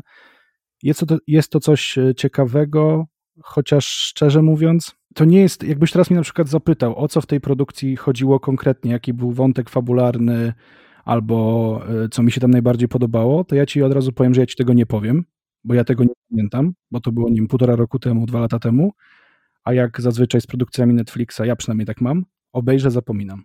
Po prostu nie, nie zostają one ze mną. Okej, okay, to tak jak z tymi krzesłami, fotelami, przepraszam, w kinie, które się ruszają do, do, do wiesz, są adekwatne do tego, co się dzieje w filmie i tam dym leci, jakiś zapach mhm. też nie do końca angażuje cię, a właściwie jest przeszkadza, przeszkadzaczem i zakopiańskie kino 7D, do którego nigdy nie wszedłem, ale... Nad morzem, nad morzem jest 8D. Nad 8D. Jakiś ten, także to jakiś, jak, to mówi, jak to mówi słoń, kino klasy E? Kino, tak, tak, tak. Tak, tak kino klasy E. Wiesz co, Damianie, ja mam pytanie takie do ciebie, spodziewam się w sumie odpowiedzi, ale i tak chcę je zadać dla porządku chociażby, bo tyle gier y, recenzujesz, właściwie każdego dnia musisz coś zrobić. Pytanie brzmi, czy masz w takim razie czas albo chęć grać dla przyjemności jeszcze, chyba że to recenzowanie jest na tyle taką przyjemnością, że to ci nie sprawia żadnego problemu i czy w ogóle wtedy udaje ci się wyjść z pracy, w sensie przestawić swój mózg, przesiąść się z jednej gry na drugą i z umysłu recenzenta przejść na umysł gracza? Czy to jest dla ciebie jakiś problem? Cieszę, cieszę się, że takie pytanie pada w tym momencie, jakby nazwijmy to kariery zawodowej, e, w jakim jestem, bo jeszcze dobry rok temu powiedziałbym ci, że nie. Nie jestem w stanie już sobie tego oddzielić. Granie mnie męczy, jestem zmęczony tym wszystkim, bo nie, nie potrafię, bo, bo tu mam jedną recenzję, tu drugą, muszę szybko ograć, bo chcę mieć to z głowy. Teraz jestem na, na takim etapie, gdzie prowadząc portal i już mając jakiś tam w miarę rozhulany, rozhulany ten Instagram, mogę sobie mm, dać trochę więcej czasu. Nie muszę się spieszyć. Kiedyś było tak, że jak się dostawało coś na przykład od wydawcy, to było, masz dwa tygodnie, tydzień i ma, ma, ma, musisz coś dowieść. Teraz jestem już na etapie takim, że czy wrzucę później, czy nie później, to jakby osoby, z którymi współpracuję, wiedzą, że ja nie daję zdjęcia w dniu premiery i nie mówię, o, gra się pojawiła, tylko ja daję treść. Ja daję coś od siebie więcej, nazwijmy to w ten sposób, więc mm, nie muszę się tak spieszyć, mogę sobie na spokojnie pograć. Więc tak, jestem w stanie się już teraz wyłączyć. Nie gram tylko w to, co dostaję, ale również to, co sobie tam, nie wiem, kupię, czy mm, co mi wpadnie dodatkowo w ramach działalności portalu, gdzie na przykład y, załóżmy wychodzi jakaś nowa gra, grę dostaje e, recenzent i na przykład jeszcze jeden kod czy, czy egzemplarz dostaję wtedy też ja, żebym ja mógł się zapoznać z tymi w momencie, kiedy będę sprawdzał recenzję e, danej osoby, co mnie bardzo cieszy, bo byłem w takim momencie, gdzie już po prostu tyle tych recenzji się nakładało, tyle tych gier wychodziło, gdzie ja przestałem z tego czerpać radość i już miałem na takiej zasadzie pierdziele to rzucam, to nie chcę mi się tego robić, bo to przestało mnie cieszyć. A teraz znowu wróciłem do, do momentu, gdzie e, wiecie, tak jak na przykład dzisiaj przed naszą rozmową, mogłem sobie na spokojnie odpalić Crasha i po prostu chwilę w niego pograć, bo jakąś taką po prostu miałem ochotę, a nie musiałem już siadać do, do recenzji dodatku e, do Assassin's Creed'a, nie? Bo po prostu nie spieszy mi się. Mam trochę więcej czasu i będę z niego korzystał. Więc tak, potrafię się już wyłączyć i przełączyć hmm. zresztą też. No to to jest najważniejsze, nie? Jak umiesz w ogóle zostawić pracę za sobą. Tak, wiesz co, poza tym to jest też, to jest też kwestia tego, że e, już teraz mając ten, mając ten portal i ja też dużo czasu poświęcam jakby na zarządzanie tym wszystkim. Na całe szczęście pojawiło się kilka osób w redakcji, które są trochę ambitniejsze, nazwijmy to, albo chcą robić więcej, więc jakąś tam już mam pomoc przynajmniej przy sprawdzaniu tych mm, tekstów, jeżeli chodzi o jakość, jeżeli chodzi o przecinki i tak dalej, i tak dalej. No ale niemniej dużo czasu zajmuje pisanie, sprawdzanie, wstawianie i tak i publikacja i inne tego typu inne tego typu rzeczy ale e, potrafię, potrafię to wyłączyć i w momencie, kiedy wiem, że nie muszę pisać recenzji, to czasami traktuję trochę grę, bo a nuż będzie mi się chciało coś napisać, a z drugiej strony mam też czasami tak, że po prostu gram i dochodzę w pewnym momencie do wniosku, o, muszę o tym napisać, ale jeszcze też czasami po prostu gram i mówię, a, pisać tym razem nie będę, może coś na przykład opowiem w podcaście, wspomnę, czy coś takiego, albo po prostu wychodzę z założenia, nie, to, to już sobie w ogóle odpuszczam, po prostu będę się ekscytował tylko roz, roz, rozgrywką i rozrywką. Bo jakby mm, tutaj też warto zwrócić uwagę na to, że faktycznie inaczej się gra do recenzji, a inaczej się gra dla siebie. Bo jak grasz do recenzji, to musisz na trochę więcej rzeczy zwrócić uwagę, ale to też, jeżeli chodzi o sposób i tryb mojej pracy, ja mam taką zasadę, że nie zwracam uwagi na wszystko, a przede wszystkim nie zwracam uwagi na to, na czym się nie znam, o czym nie będę wspominał w recenzji. Ja w swoich tekstach bardzo rzadko oceniam tę sferę techniczną, gdzie na przykład często może ci się spotkać w recenzjach, że a, bo gra coś tam się zacinała, tutaj był Bóg, tutaj postać, nie wiem, rozkraczała nogi, wypadała gdzieś tam. Ja o tym wspomnę, napiszę, że czasami pojawiają się błędy, ale bardzo często daję też taką adnotację w recenzji, że nie mi to oceniać. Ja nigdy w życiu gry nie stworzyłem, czy stworzę, nie wiem, może kiedyś najdzie mnie coś i spróbuję jakichś swoich sił w takich e, tematach. Niemniej e, nie wypowiadam się na takie e, tematy i na, na, te, na, te, na te rzeczy, o, ty, o tym po prostu nie piszę, bo wydaje mi się, że nie jestem od tego. Jak ktoś siedzi w branży 20 lat i na przykład programował kiedyś, tworzył, może o tym pisać. Ja mogę się odwoływać tylko do tego, co wiem. A w ogóle Oprócz gier komputerowych to też e, zdarzać się w coś analogowo, że tak powiem, zagrać, bo tu mamy duży rozstrzał. Mamy gry karciane, mamy gry RPG. Ja teraz patrzę na swoją e, półkę i widzę kilka tytułów. D&D, Warhammer, nawet The Witcher, bo znak towarowy to jest The Witcher, a nie Wiedźmin akurat tego RPG, który wyszedł w sensie w książkowo, ale są też gry planszowe. Czy też takie gry sprawiają tobie przyjemność? Tak, tak, tak, ale to y, gry planszowe mają do siebie to, że faktycznie trzeba się spotkać z ludźmi i spędzić z nimi trochę więcej czasu no, i pograć. To jest, I... to jest największa A zaleta ty nie lubisz ludzi po prostu. Nie, nie. nie, wręcz przeciwnie. Ja bardzo, bardzo lubię ludzi ale mm, tak, to jak najbardziej jest plus. Tylko kwestia tego, że wiecie, teraz wszyscy żyjemy w takim trochę pędzie życia, że zazwyczaj znaleźć faktycznie e, grupę osób, która będzie mogła jednego tego dnia i o danej godzinie spotkać się na przykład na super rozgrywkę pięciogodzinną, jest dość ciężkie. E, co jest przykre oczywiście, ale no tak wygląda teraz bardzo często życie ludzi w naszym wieku. Ale tak, no gry, gry jak najbardziej planszowe sprawiają mi ogromną radość, ogromną frajdę. Gry RPG również, zwykłe planszówki jak najbardziej tak, zwykłe karcianki no też. Ja po prostu lubię grać i czy gra jest cyfrowa, czy analogowa i tak będę się świetnie bawił, bo to jest jakaś forma e, ten po prostu też rozrywki i też spędzania czasu z, z osobami bliskimi. No i tak. Tak, lubię gry planszowe. E, dobrze, w takim razie ja bym chciał jeszcze skorzystać z podjętego już wcześniej przez Ryśka tematu odnoszącego się do, do przyjemności, którą czerpiesz z gier i e, skierować rozmowę może na troszeczkę inne tory, a mianowicie e, właśnie redakcji Gra Podpada, czyli ostatecznej formy trzeciej, trzeciej ewolucji Instagramu Gra Podpada. I chciałbym zapytać, co spowodowało, że w ogóle podjąłeś taką decyzję, decyzję czy być może ta chęć a raczej potrzeba pomocy, odciążenia w tej, w tej pracy recenzenta i powrót do tych starych, dobrych czasów, gdzie mogłeś jeszcze cieszyć się grami, była, była tym takim katalizatorem tej zmiany? E, czy planowałeś to już wcześniej, od samego początku e, tak naprawdę działalności internetowej, że wiedziałeś, że to w końcu dojdzie do takiego momentu, że, że prędzej czy później będziesz musiał zwołać drużynę, niczym, e, niczym w Baldur's Gate i, i, i, i zacząć robić coś na większą skalę.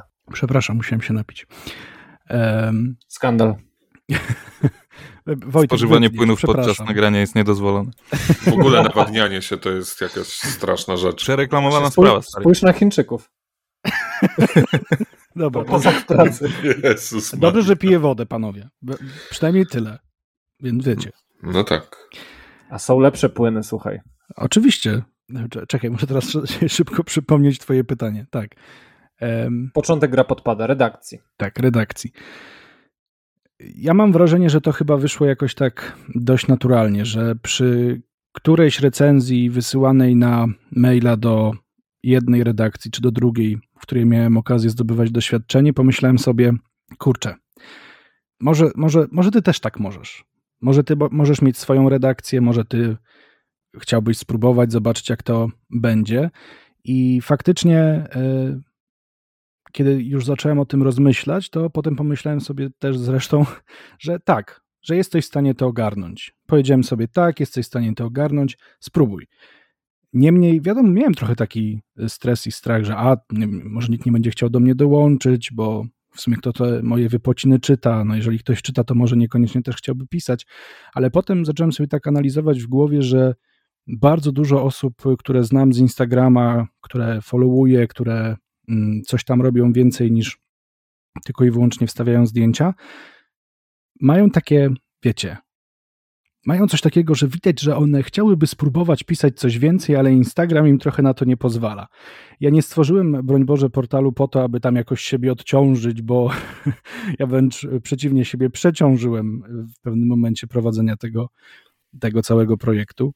E, chciałem zobaczyć, ile osób przede wszystkim będzie chciało do mnie dołączyć. To był taki wstęp, więc zacząłem od e, takiego pisania na Instagramie, hej, czy ktoś czyta, kto, kto gra, kto czyta, kto ogląda, czy są jacyś chętni, czy lubicie o tym pisać, czy myśleliście o tym, żeby zacząć pisać, bo ja bardzo dobrze pamiętam swoje początki e, z pisaniem. Jak się zaczyna robić coś innego, to wiadomo, że zawsze przychodzi taki moment, a czy ja dobrze to robię, czy w ogóle jest sens, żebym to robił, a czy, czy, w ogóle ja się do tego nadaję, może to nie jest jakaś taka moja droga. Myślę, że wy też zapewne mieliście takie momenty w swoim życiu, że coś robiliście, a potem okazywało się, że to nie jest kompletnie dla was i zmienialiście o 180 stopni swoje pomysły mm, na życie.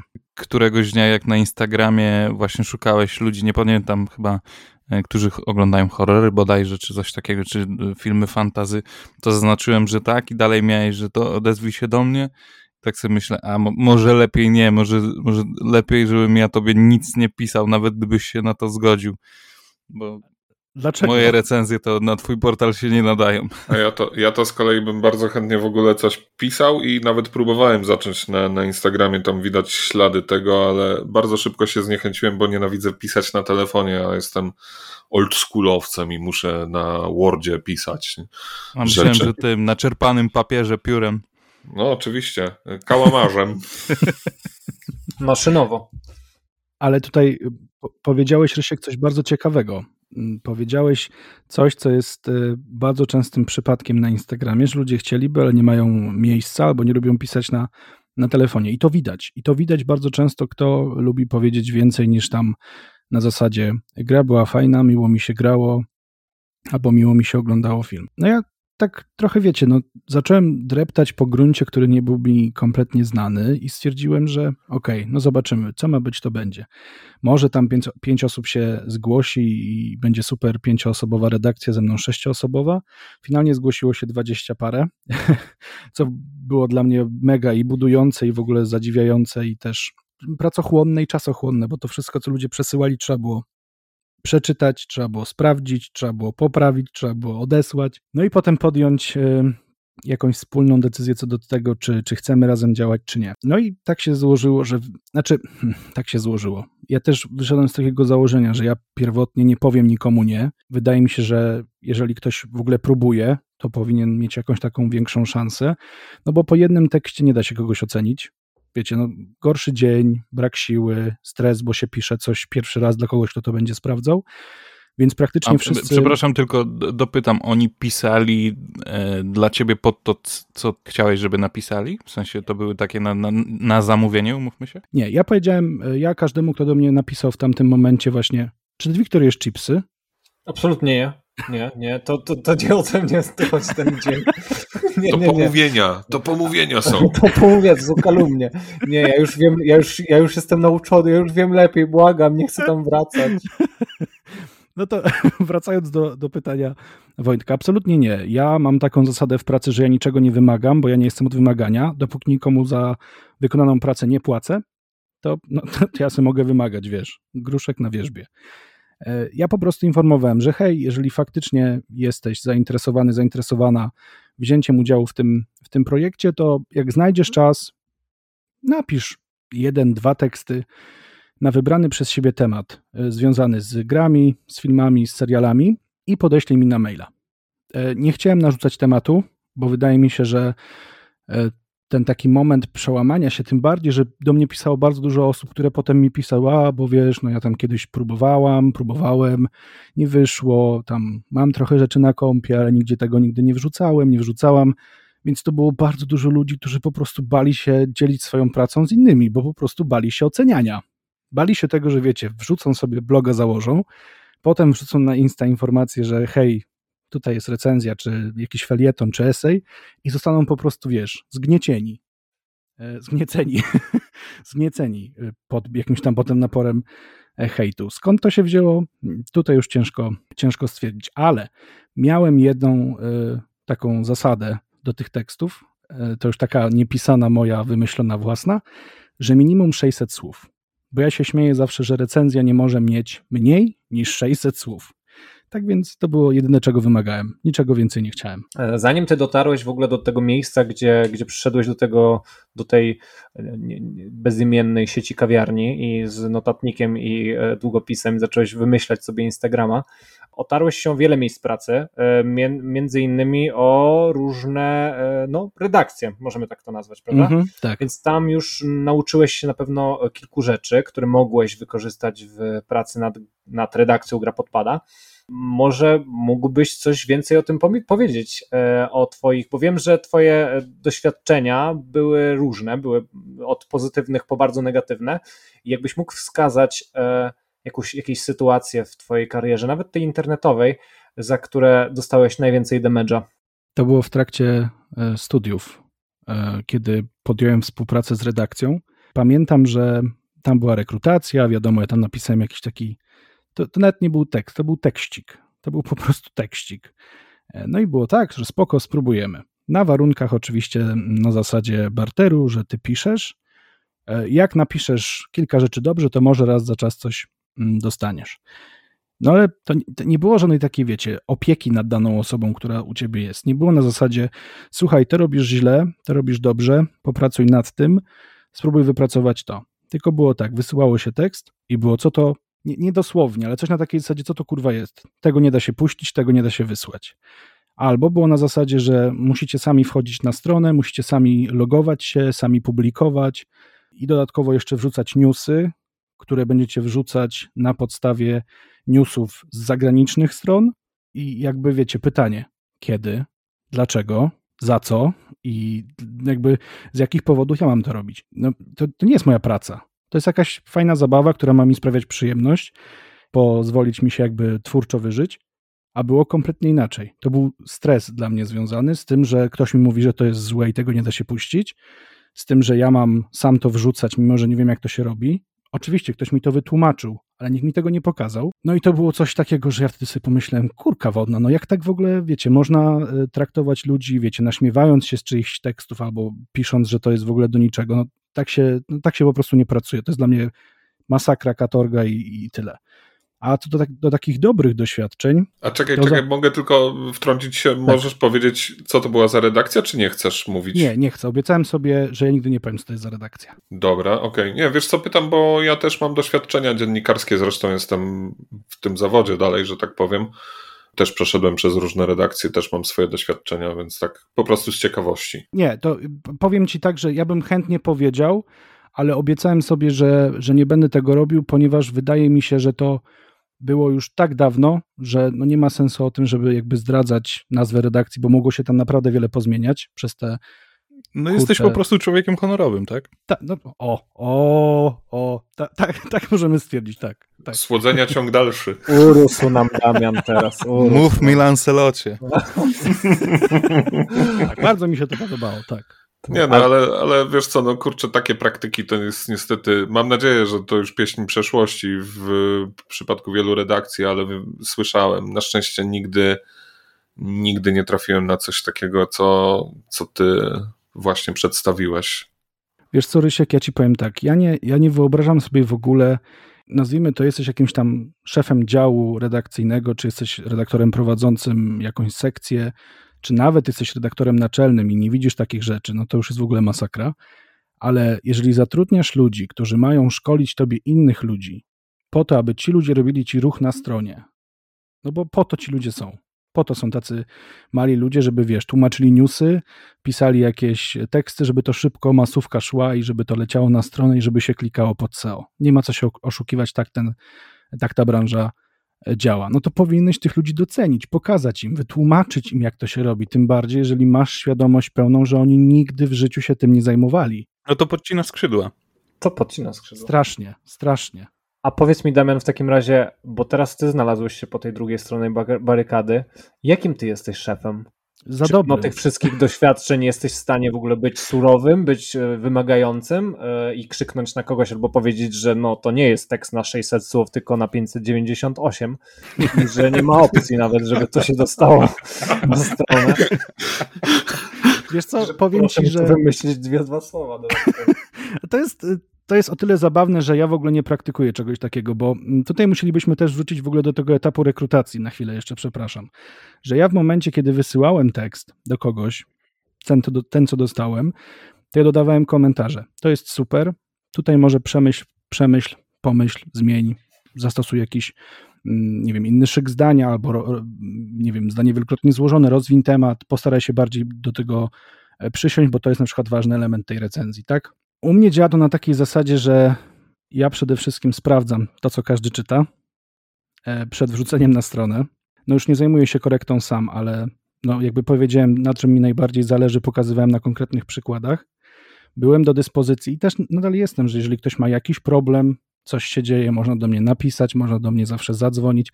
Może to nie jest zdrowa praktyka przy tylu osobach w redakcji, ale daje przynajmniej taką świadomość tym ludziom, że jeżeli coś im nie będzie szło, to oni nie muszą się martwić, że a Boże, napiszę zjebaną recenzję, o, napiszę zjebaną recenzję i coś mi nie pójdzie, tylko będą mieli wytłumaczone na zasadzie to jest do poprawy, to jest super, nad tym możesz jeszcze troszeczkę e, pomyśleć, a ja nie powiem nigdy w życiu czegoś na zasadzie to jest gówno, to, to się nie nadaje do niczego, to jest do kosza, bo nie widzę w tym sensu. Po co mam po pierwsze komuś podcinać skrzydła, po co mam kogoś gnoić, kiedy ewidentnie ktoś się stara. Tylko wiecie, to też zależy, mamy różne dni. Może ktoś się gorzej poczuł, może ktoś nie miał siły, może właśnie ktoś się stresował yy, i dać taką szansę tej poprawy. To czasami faktycznie kosztuje bardzo dużo czasu i wymaga sporej pracy, takiej nawet yy, indywidualnej, ale ja też patrzę na to z takiej perspektywy. Ok, to jest coś, do czego się zobowiązałeś, to jest coś, co obiecałeś tym ludziom, to jest w jakimś sensie już Twoja druga praca, która mamy nadzie mam nadzieję, kiedyś stanie się tą pracą faktycznie docelową. Teraz już tak, taką mam nadzieję. Wcześniej je zakładając nawet o tym nie myślałem. Niemniej ja nie stosuję kompletnie takich praktyk. Jestem zwolennikiem przekazywania wiedzy, czerpania od siebie nawzajem yy, i tłumaczenia. Jak dostaję tekst na 400 słów, to przede wszystkim zadaję sobie pytanie, czy dało się napisać na te 600, bo są takie rzeczy, że się nie da. Przykładowo mhm. recenzje komiksów, no bo nie za bardzo wiecie, no, na stronie piątej była lepsza kreska niż na stronie ósmej. Jakaś różnica. Coś takiego, bez sensu. Lepiej skupić się na tym, co jest ważne i napisać nawet fajną, soczystą, e, krótszą recenzję, ale żeby była dobra. W przypadku gier tak, tak. dużych, właśnie na przykład takich AAA, nie wyobrażam sobie, żeby była mniej niż 600 słów. Za dużo rzeczy jest tam do omówienia. Do omówienia. Ale nie odsyłam, rozmawiam, nawet ostatnio mieliśmy taki przypadek, że dostałem wiadomość od właśnie jednej z, z koleżanek, która tam zajmuje się korektą, że hej, słuchaj, ten tekst jest taki, no, nie do końca. No to wziąłem, otworzyłem, przeczytałem, stwierdziłem, że faktycznie e, był dopisek zresztą w mailu, że sorry, na kolanie pisane na szybko. E, osoba, która pisała, chciała zdążyć z terminem, jakby który ja wyznaczyłem tam na wysyłanie tekstów miesięcznych. Ja napisałem, nie pisz tak więcej. Jeżeli masz się spóźnić, to się spóźni. Daj tylko znać, że na przykład nie masz czasu i tak dalej. E, te recenzje zostawiamy, już nie będziemy tego poprawiać, nie będziemy też jej publikować. Faktycznie tekst wymaga opisania na nowo, a też czułem, że ta osoba nie czuła się komfortowo z tematem.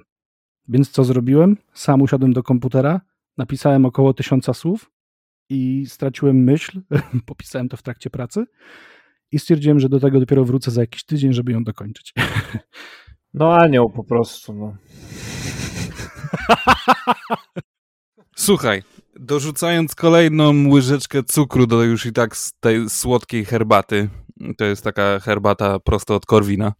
Mm. No, ale to musimy jakieś, jakieś tematy mocniejsze, ostre. Słuchaj, mogę się przypierdolić, ale to poczekaj chwilę. Ręka mnie swędzi, żeby panu przypierdolić. Tak jest. Milion Niemców, no ale nieważne. Nie, słuchaj. Sytuacja jest następująca. Ja osobiście nie jestem fanem recenzji jako takich, bo po prostu mnie irytu, irytuje mnie fakt, że większość recenzji skupia się na streszczaniu fabuły, niżeli komentowaniu same, samego tytułu, jakich emocji dostarczył danej osobie, która pisze recenzję krytykowi, czy jakkolwiek można nazwać tę osobę, która wypisuje te bezeceństwa, w większości bezeceństwa. I e, przeczytałem kilka recenzji filmowych, bo filmowych, bo grami się za bardzo nie interesuje, jak już wspomniałem wcześniej. Może tutaj nie pasuje do tej rozmowy, przepraszam bardzo. Powiem ci szczerze, że za, na, naprawdę byłem pod wrażeniem tego, że nie, nie skupiacie się tak bardzo właśnie na fabule, że te, że te komentarze dotyczą troszeczkę innych wątków, niżeli właśnie streszczania wydarzeń w, w, filmach. I chciałem się zapytać, czy to jest twoja zasługa, czy, czy jednak ludzie, twoi ludzie mają to w głowie, że na innych, na innych portalach właśnie praktykuje się streszczenie wydarzeń, jak w szkole? Mm, wiesz co, y, to jest chyba taka łączona praca, bo zależy, czyje recenzje czytałeś. E, jest kilka osób, które faktycznie w filmach siedzą bardzo, bardzo mocno i, i, i te ich teksty są typową recenzją, interpretacją tego, co zobaczyli. Ale są też osoby, które no, nie miały takiej wiedzy, no bo dopiero zaczynały pisać, dopiero się uczyły pisać. E, ja przed tym, jak wystartowaliśmy w ogóle z portalem, to zorganizowałem takie spotkanie, gdzie żeśmy sobie pogadali całą redakcją. Znaczy, my się w ogóle spotykamy co miesiąc i ja prowadzę taki, wiecie, ponadgodzinny monolog o tym, co się wydarzyło, co się będzie działo, jak nam idzie, co się czyta, co ludzie komentują i tak dalej. Niemniej spotkaliśmy się tak przed y, w ogóle startem strony. Ja też powiedziałem, jakie ja mam wymagania. No, jakby czego ja oczekuję. Mhm. Ja tam też bardzo zaznaczyłem mocno, że recenzja to nie jest streszczenie fabuły, bo to, to co mówisz jest prawdą. Bardzo często e, można spotkać się po prostu z opisami, no, że tutaj bohater zrobił to, potem poszedł tam, super tak. lokacja, bo się przemieszczał. E, ja chciałem od tego odejść, bo ja zawsze powtarzam, i to też powtórzyłem właśnie w trakcie tych spotkań, powtarzam cały czas i też często o tym przypominam, że recenzja sama w sobie jest tekstem, musi być tekstem bardzo e, obiektywnym, co w samym założeniu recenzji jest trochę niezgodne z tym, że no, to jest jednak tekst bardzo subiektywny. Moje zdanie osobiste, no, nie wiem, może się ze mną profesura kłócić, ale to jest takie, takie moje przemyślenia, ponieważ e, w dzisiejszych czasach mm, w internecie jest jakby tyle takich samych treści i w ogóle wszystko się powtarza, wszystko jest bardzo takie krzykliwe, głośne, trzeba się czymś wyróżniać. To jak już mamy się czymś wyróżniać, to niech nasze teksty wyróżniają się tym, że po prostu dzielimy się szczerą opinią oraz y, naszymi emocjami związanymi z daną produkcją. I to jest mhm. dla mnie bardzo ważne, żeby jakby recenzja nie tylko była spisem informacji, ale była takim spisem jakby przeżyć każdego recenzenta. I cieszę się, że tak to odbierasz, nasze teksty, bo to jest chyba największy komplement, jaki mogę usłyszeć. O, to fajnie. Wiesz, nie, nie, nie, nie pomnę e, nazwisk e, ludzi, których e, recenzje czytałem, ale na pewno było to kilka osób. No, no, ja, się, ja się cieszę, że tak to odbierasz. To jest naprawdę coś, co ja chciałem bardzo, żeby wybrzmiało w tym, w tym portalu, w naszych, w naszych recenzjach. W ogóle tak naprawdę w każdym tekście, bo wydaje mi się, że sam rynek, ten taki dziennikarski, no też tak jak wszystko dookoła powinien w jakiś sposób ewoluować i, i nie można się cały czas trzymać tych samych ram, które były, nie wiem, 10 lat temu, gdzie zaczynamy wstęp do recenzji słowami tydzień temu miałem okazję pójść do kina na premierę filmu XYZ. I to był fantastyczny seans. I potem, czy mi się podobało? I idziemy. Pierwszy akapit. Film XYZ, stworzony przez taką i taką grupę ludzi opowiada o tym i o tym. No Jezus, no przecież to jest wytarty jakiś schemat, y, który jest dosłownie wszędzie i oczywiście są momenty, gdzie wypada tak zacząć recenzję i w taki sposób zacząć prowadzić ją, bo na przykład faktycznie byłeś na jakimś takim wielkim wydarzeniu i o samym wydarzeniu wypada wspomnieć. Ale jak piszesz coś dla siebie, no to Boże, no nie, no spróbujmy czegoś innego. Niech ten wstęp będzie takim e, faktycznie taką petardą, w której, nie wiem, już y, zajawisz jakieś swoje przeżycia, jakieś swoje przemyślenia, które potem tylko i wyłącznie rozwijasz. Ja w ogóle tak swoją drogą jestem ogromnym zwolennikiem, e, żeby w tym wstępie, czyli tak zwanym lidzie, e, były w ogóle pytania e, takie bardzo, no takie mocne. Nie na zasadzie, mhm. czy mi się podobało, czy mi sprawiła lektura przyjemność, czy seans był ciekawy, tylko na zasadzie, czy ta gra w ogóle miała sens, czy w ogóle ta gra powinna powstać. Wiesz, okay. rozumiesz o co chodzi? Tak, tak. Clickbaitowe tak. nagłówki tak zwane. Nie, nie broń Boże. Nie, w ogóle nie. nie, nie. W ogóle nie. nie. Nie idzie to w tę stronę. Tak jak to troszeczkę robi y, Tomasz Raczek, chyba się Rysiek ze mną zgodzi. No jest jego stempel w każdej recenzji filmowej, zdecydowanie i bardzo też właśnie szanuję recenzję Tomasza Raczka za to, że nigdy nie zdradza fabuły, jeżeli już to jakieś tam drobne elementy, albo po to, by wytłumaczyć motywy postaci, przedstawić jakiś charakter, no właśnie to jest kluczowe. Nigdy nie zdradzać, co się kryje do końca, ale no, trzeba jakieś tam elementy też mimo wszystko przedstawić, żeby zachęcić jakoś też, no bo recenzja no ma być zachęcająca. tak? tak, tak, tak. No bo, bo powiem szczerze, że streszczanie fabuły w recenzjach jest po prostu, e, zdaje mi się, zupełnie nudne i e, wolę zdecydowanie poczytać o emocjach, które targały recenzentem w trakcie oglądania czy grania. Być może Umówmy się, streszczenia fabuły to czytało się w liceum czy w gimnazjum, no tak, żeby, żeby, dowiedzieć się, co było w lekturze, której nie Dokładnie. chcieliśmy czytać. No i mam wrażenie, mam wrażenie, że ludzie, którzy dzisiaj piszą te teksty, powieźli ten, e, te zasady z, właśnie z, tam z gimnazjum czy, czy z liceum i dalej je praktykują. No wiele osób pisze rozprawki w ogóle na portalach. spotkałem, spotkałem się z czymś takim. Więc, e, no tak, faktycznie, no masz, masz te elementy, stawiana masz teza elementy, na początku, tak. rozwinięcie i jakaś Czyli tam jednak się przydają, jednak się przydają rozprawki. Nie, ale wiecie co, bo to, to wszystko chyba zależy po prostu od tego, w, ja, w jakim celu bierzesz kogoś do redakcji, bo jeżeli bierzesz kogoś do redakcji, żeby po prostu, wiecie, więcej, więcej, więcej, więcej, więcej, więcej i jeszcze więcej, to no taka osoba będzie tak pisała, jeżeli nikt jej nie powie, że można, albo nie pokaże, że można inaczej. Więc ja bym tutaj bardziej nie czepiał się samych osób piszących, tylko osób, które są nad nimi i no tak. te treści publikują. To wszystko okay. zależy jednak od tego, jak się takiego pracownika, no bo umówmy się, nazwijmy taką osobę pracownikiem, traktuje, w jaki sposób się nim e, opiekuje też, tak? Ja się nie dziwię zupełnie, że ktoś na odpierdol robi pewne rzeczy. Wiesz to ja tylko wtrącę, tak już, tak już kończąc też ten temat, że e, no, też coś tam sam piszę od czasu do czasu i skomentuję czy film, czy książkę, czy jakieś tam wydarzenie, no nieważne, nie będę się tutaj chwalił ani nic takiego i też się e, parę osób, no może parę, no dosłownie parę, bo, bo dwoje, dwie osoby się do mnie odezwały a propos e, może jakiejś współpracy i kazali mi wysłać teksty i nie, nie, nie, nie, tu musisz zmienić y, mniej wulgaryzmów, troszeczkę w inną stronę idź. No i ja za namową Ryśka, bo też z nim o tym rozmawiałem, trochę zredagowałem to swoje pisanie i, i złagodziłem, ale y, później już się do mnie nie odezwano w ogóle. Także po co Naprawdę? w ogóle zawracać gitarę? Jezu. To wyślij maila do mnie, ja sam z, zajmę się e, korektą, wezmę, usunę wulgaryzmy i na pewno odpiszę. Okej. Okej. Okay. Nie, no, nie, wiem, czy, nie wiem, czy da się usunąć wulgaryzmy Wojtka tak swoją drogą. Ja myślę, że one są w jakiś sposób powiązane z słowami e, nie, nie, nie, nie ciągnijmy tematu o moim pisaniu i o mnie. Nie, nie, nie. To nie jest o twoim jestestwie.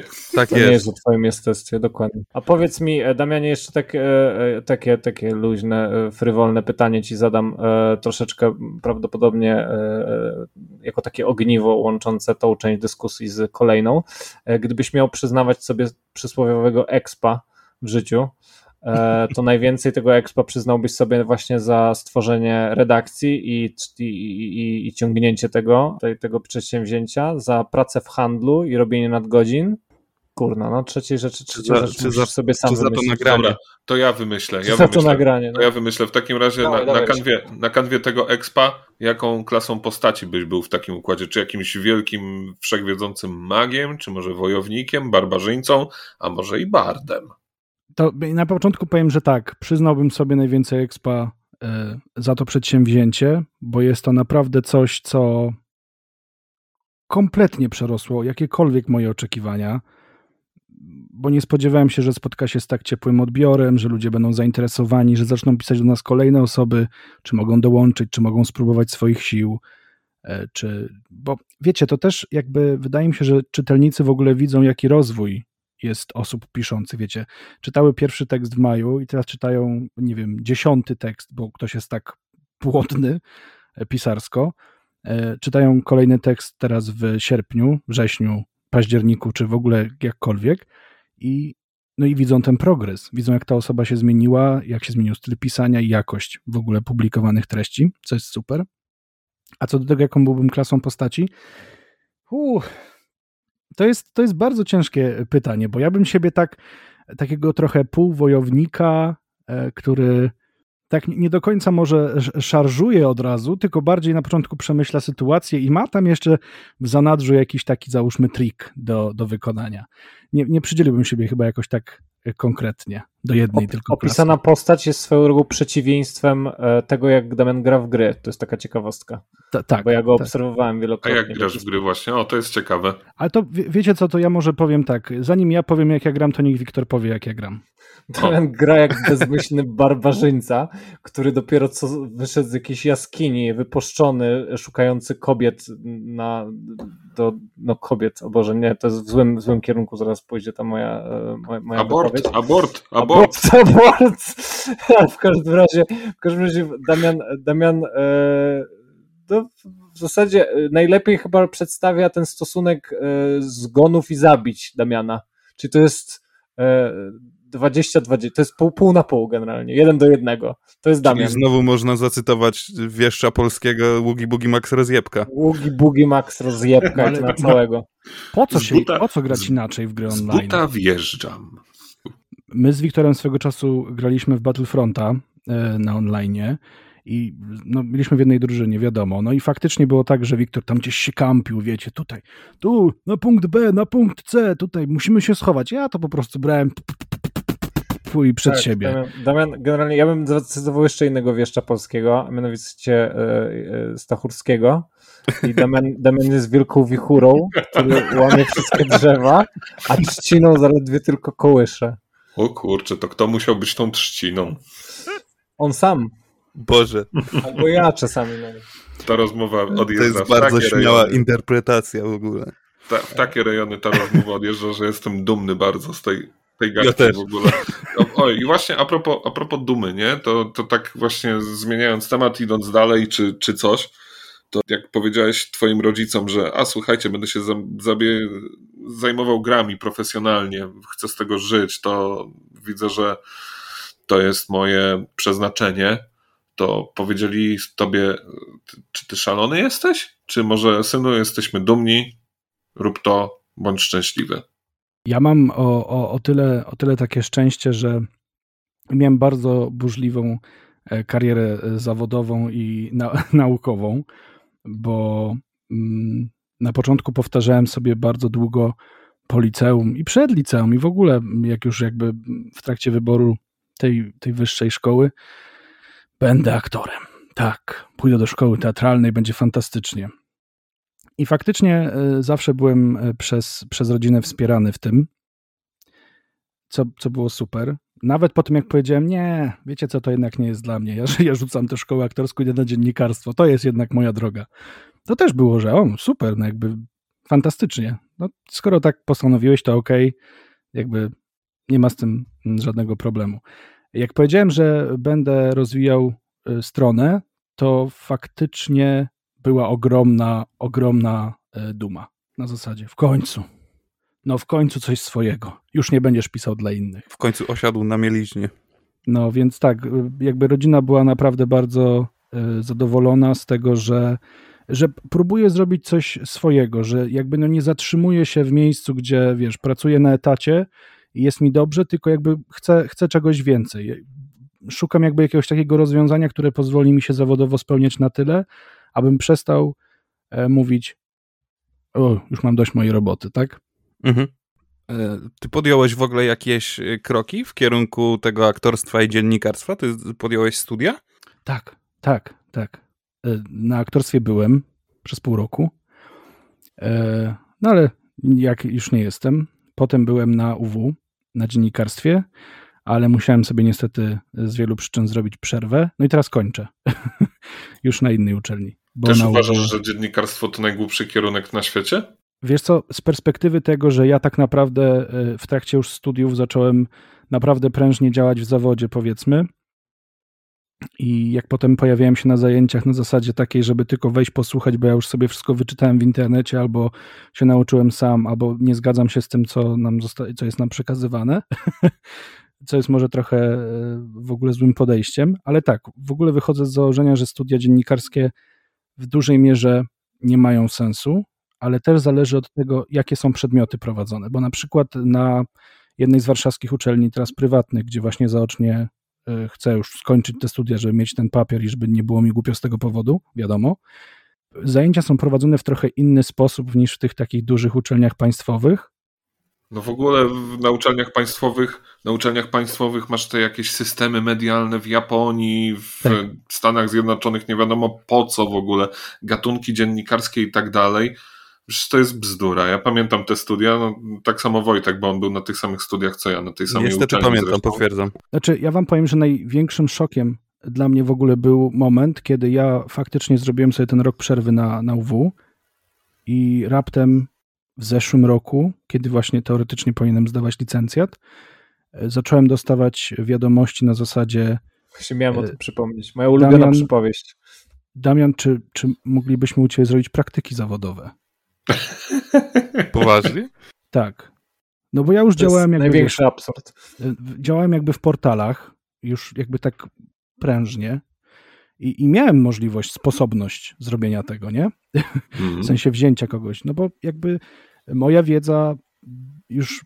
No, ja teraz nie chcę też, wiecie, tutaj mówić o Boże, jak ja dużo wiem, bo nie, no bo mam wiele do nauki i cały czas człowiek się uczy całe życie podobno. E, no ale niemniej ta wiedza z zakresu, jak należy, nie wiem, publicystykę pisać, tak? No to już jakby wykraczała poza, poza, poza to, co było prezentowane w jakimś sensie na zajęciach. Mhm. Przez to zostałem tak zapamiętany przez ludzi, że a, to on może nam dać praktyki, bo faktycznie może coś tam zrobimy więcej, nie? Co jest schlebiające, ale mimo wszystko, no trochę dziwne. No powiem, powiem ci, że ja pamiętam, nie? Na przykład jak poszedłem na staż do regionalnej rozgłośni Polskiego Radia, to w dwa tygodnie nauczyłem się więcej niż przez całe trzy lata studiowania tego kierunku. Dokładnie. To, to, to, coś o tym mówi, nie? Że jak żyjesz w redakcji, w ogóle wiesz, no to była całkiem spora redakcja, no bo jednak rozgłośnia regionalna to, to wiadomo, tam e, mnóstwo ludzi, mnóstwo charakterów się przecina, nie? Ale nie ma lepszej szkoły niż po prostu pójść, zacząć coś robić. Mhm. Znaczy ja przypominam, że część z tych osób, które do ciebie pisały o te praktyki, bo Damian może zapomniał o tym, e, w ogóle przez e, te trzy lata, trzy lata studiów, tak? Dobrze mówię? Tak, tak. Nie, nie pisały, nie napisały praktycznie żadnego artykułu. Hmm. Ale czy to, to, jest, to jest właśnie problem? Chore. To jest chyba największy problem, że ludzie po prostu e, są na kierunku, wiecie, jest dużo jakichś takich zajęć teoretycznych, bardzo mało praktycznych i zapomina się o tym, co jest najważniejsze, w byciu dziennikarzem, pisarzem, no autorem po prostu, jak się wykorzystuje słowo pisane czy mówione. Cały czas trzeba to robić. To jest no jak, tak. wiecie, naoliwiona maszyna. Dopóki oliwisz i pracujesz i działasz, to ona działa. Jak przestajesz, to, no to nie ma sensu. No tak. Ale powiedzmy sobie też szczerze, że nie, nie wiem, czy się ze mną zgodzicie, ale ja tak uważam, że e, nie da się nauczyć pisać. Da się nauczyć pisać poprawnie, tak jak to właśnie u, tego uczą w szkole, że w sensie masz się wbić w klucz i piszesz rozprawkę, ale w takim, nazwę to flow, trzeba się chyba urodzić. Ja się zgodzę po części. To flow jest tobie potrzebne, moim zdaniem, jeżeli chcesz być takim autorem. Autorem, autorem że chcesz stawiać ten swój stempel, chcesz być rozpoznawalny, mieć styl. Natomiast y, jeżeli chcesz nauczyć się pisać poprawnie, zgodnie z zasadami polszczyzny, y, stylistycznie i tak dalej, to możesz być bardzo dobrym korektorem, edytorem, czy pracować w jakichś wydawnictwach, na przykład, nie wiem, przy tłumaczeniu książek, niekoniecznie jako tłumacz, ale jako ten redaktor wydający, żeby to wszystko miało ręce i nogi. Tutaj Rysiek wskazujesz w ogóle na różnicę między artystą a rzemieślnikiem. No tak, tak, dokładnie. No tak, Jak tak. najbardziej, rzemieślników jest dużo i nie, nie można im odmówić e, no, rzemieślniczego kunsztu, tak? no, ko to... Copywriterzy na przykład, nie? Zobacz. Na przykład, tak. No tak, uzgodni ale uzgodniliśmy też, że oczywiście ci ludzie są potrzebni, ale w, w gruncie rzeczy my, jako czytelnicy, skupiamy się na tych tekstach, które w jakiś sposób się wyróżniają. Łapią za jaja, po twojemu. Mi się, Wojtek, wydaje, że też y, kwestią kluczową jest w ogóle pytanie, czy ty lubisz pisać, czy nie. A, to prawda.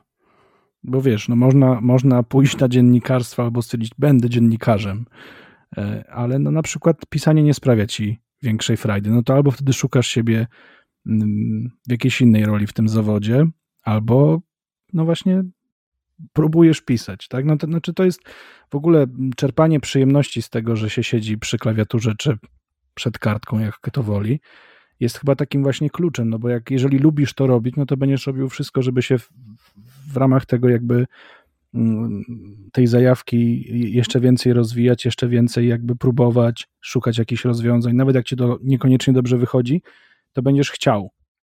A jak nie sprawia ci to przyjemności, to nawet jeżeli piszesz jak Mickiewicz, to no nic z tego nie będzie. Mm, uzgodniliśmy, że jesteś osobą, która z niejednego pieca chleb jadła, ale nie wspomnieliśmy ani słowa o jednej z twoich, mam nadzieję, znaczy wydaje mi się, pasji.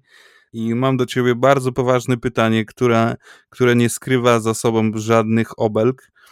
W skali od 1 do 10, jak bardzo jesteś mango zjebem?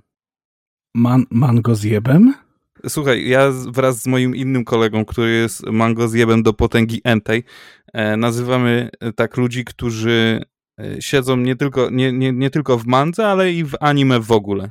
A, bo... Okej, okay, ja sobie pomyślałem, nie wiem, jak słyszałem mango zjebem, to pomyślałem sobie, kurwa, chodzi mu o owoce? Wiesz. tylko mango, tylko mango. Znowu te mango zjeby, Boże. Damian, idzie do... no, panowie, Damian, nie inna godzina. Damian idzie do Biedronki i wywala wszystkie jabłka, banany, winogrona, krzyczy mango, mango. Tak. I nagle, o Boże, Kaś, Kaśka, mamy mango zjeba na piątej alejce. We, weź, weź to stara uprzątnij. To dlatego ludzie się na mnie tak dziwnie patrzą. No to w tej, w, w tej kategorii tak. dziewiątka minimum. Okej. Okay. Okej, okay. ale poczekaj, tylko jeszcze wtrącę właśnie. Kiedyś wyczytaliśmy, a to taka tylko ciekawostka, e, kiedyś wyczytaliśmy z kumplem, który jara, e, warto zjeść mango przed paleniem, że to jakoś tam uwydatnia fazę. Ja nie jestem zwolennikiem. Drogie dzieci, was również do tego nie zachęcam. Ja myślę, że e, wszystkie dzieci. Ja nie zachęcam, już... ale jakby ktoś jarał, to proszę sobie spróbować. Spróbujcie sobie. Z mamą, z tatą, tam z babcią, z kimkolwiek. Ale uważajcie, bo bardzo łatwo można stać się mango zjebem. Ja przepraszam panowie, to już jest kwestia tego, że trochę tutaj siedzimy i tak wiecie, na chwilę mi się zatrzymało w głowie. Udzieliło się. Tak. Udzieliło się. No tak, no wszyscy, każdy z nas ma troszeczkę nie tak z, z deklem, no, albo, trochę się albo zgubił już totalnie pokrywę. No tak, ja na przykład jestem, ja na przykład jestem bananozjebem, także. Rysiek idzie w potas mocno. Mocno.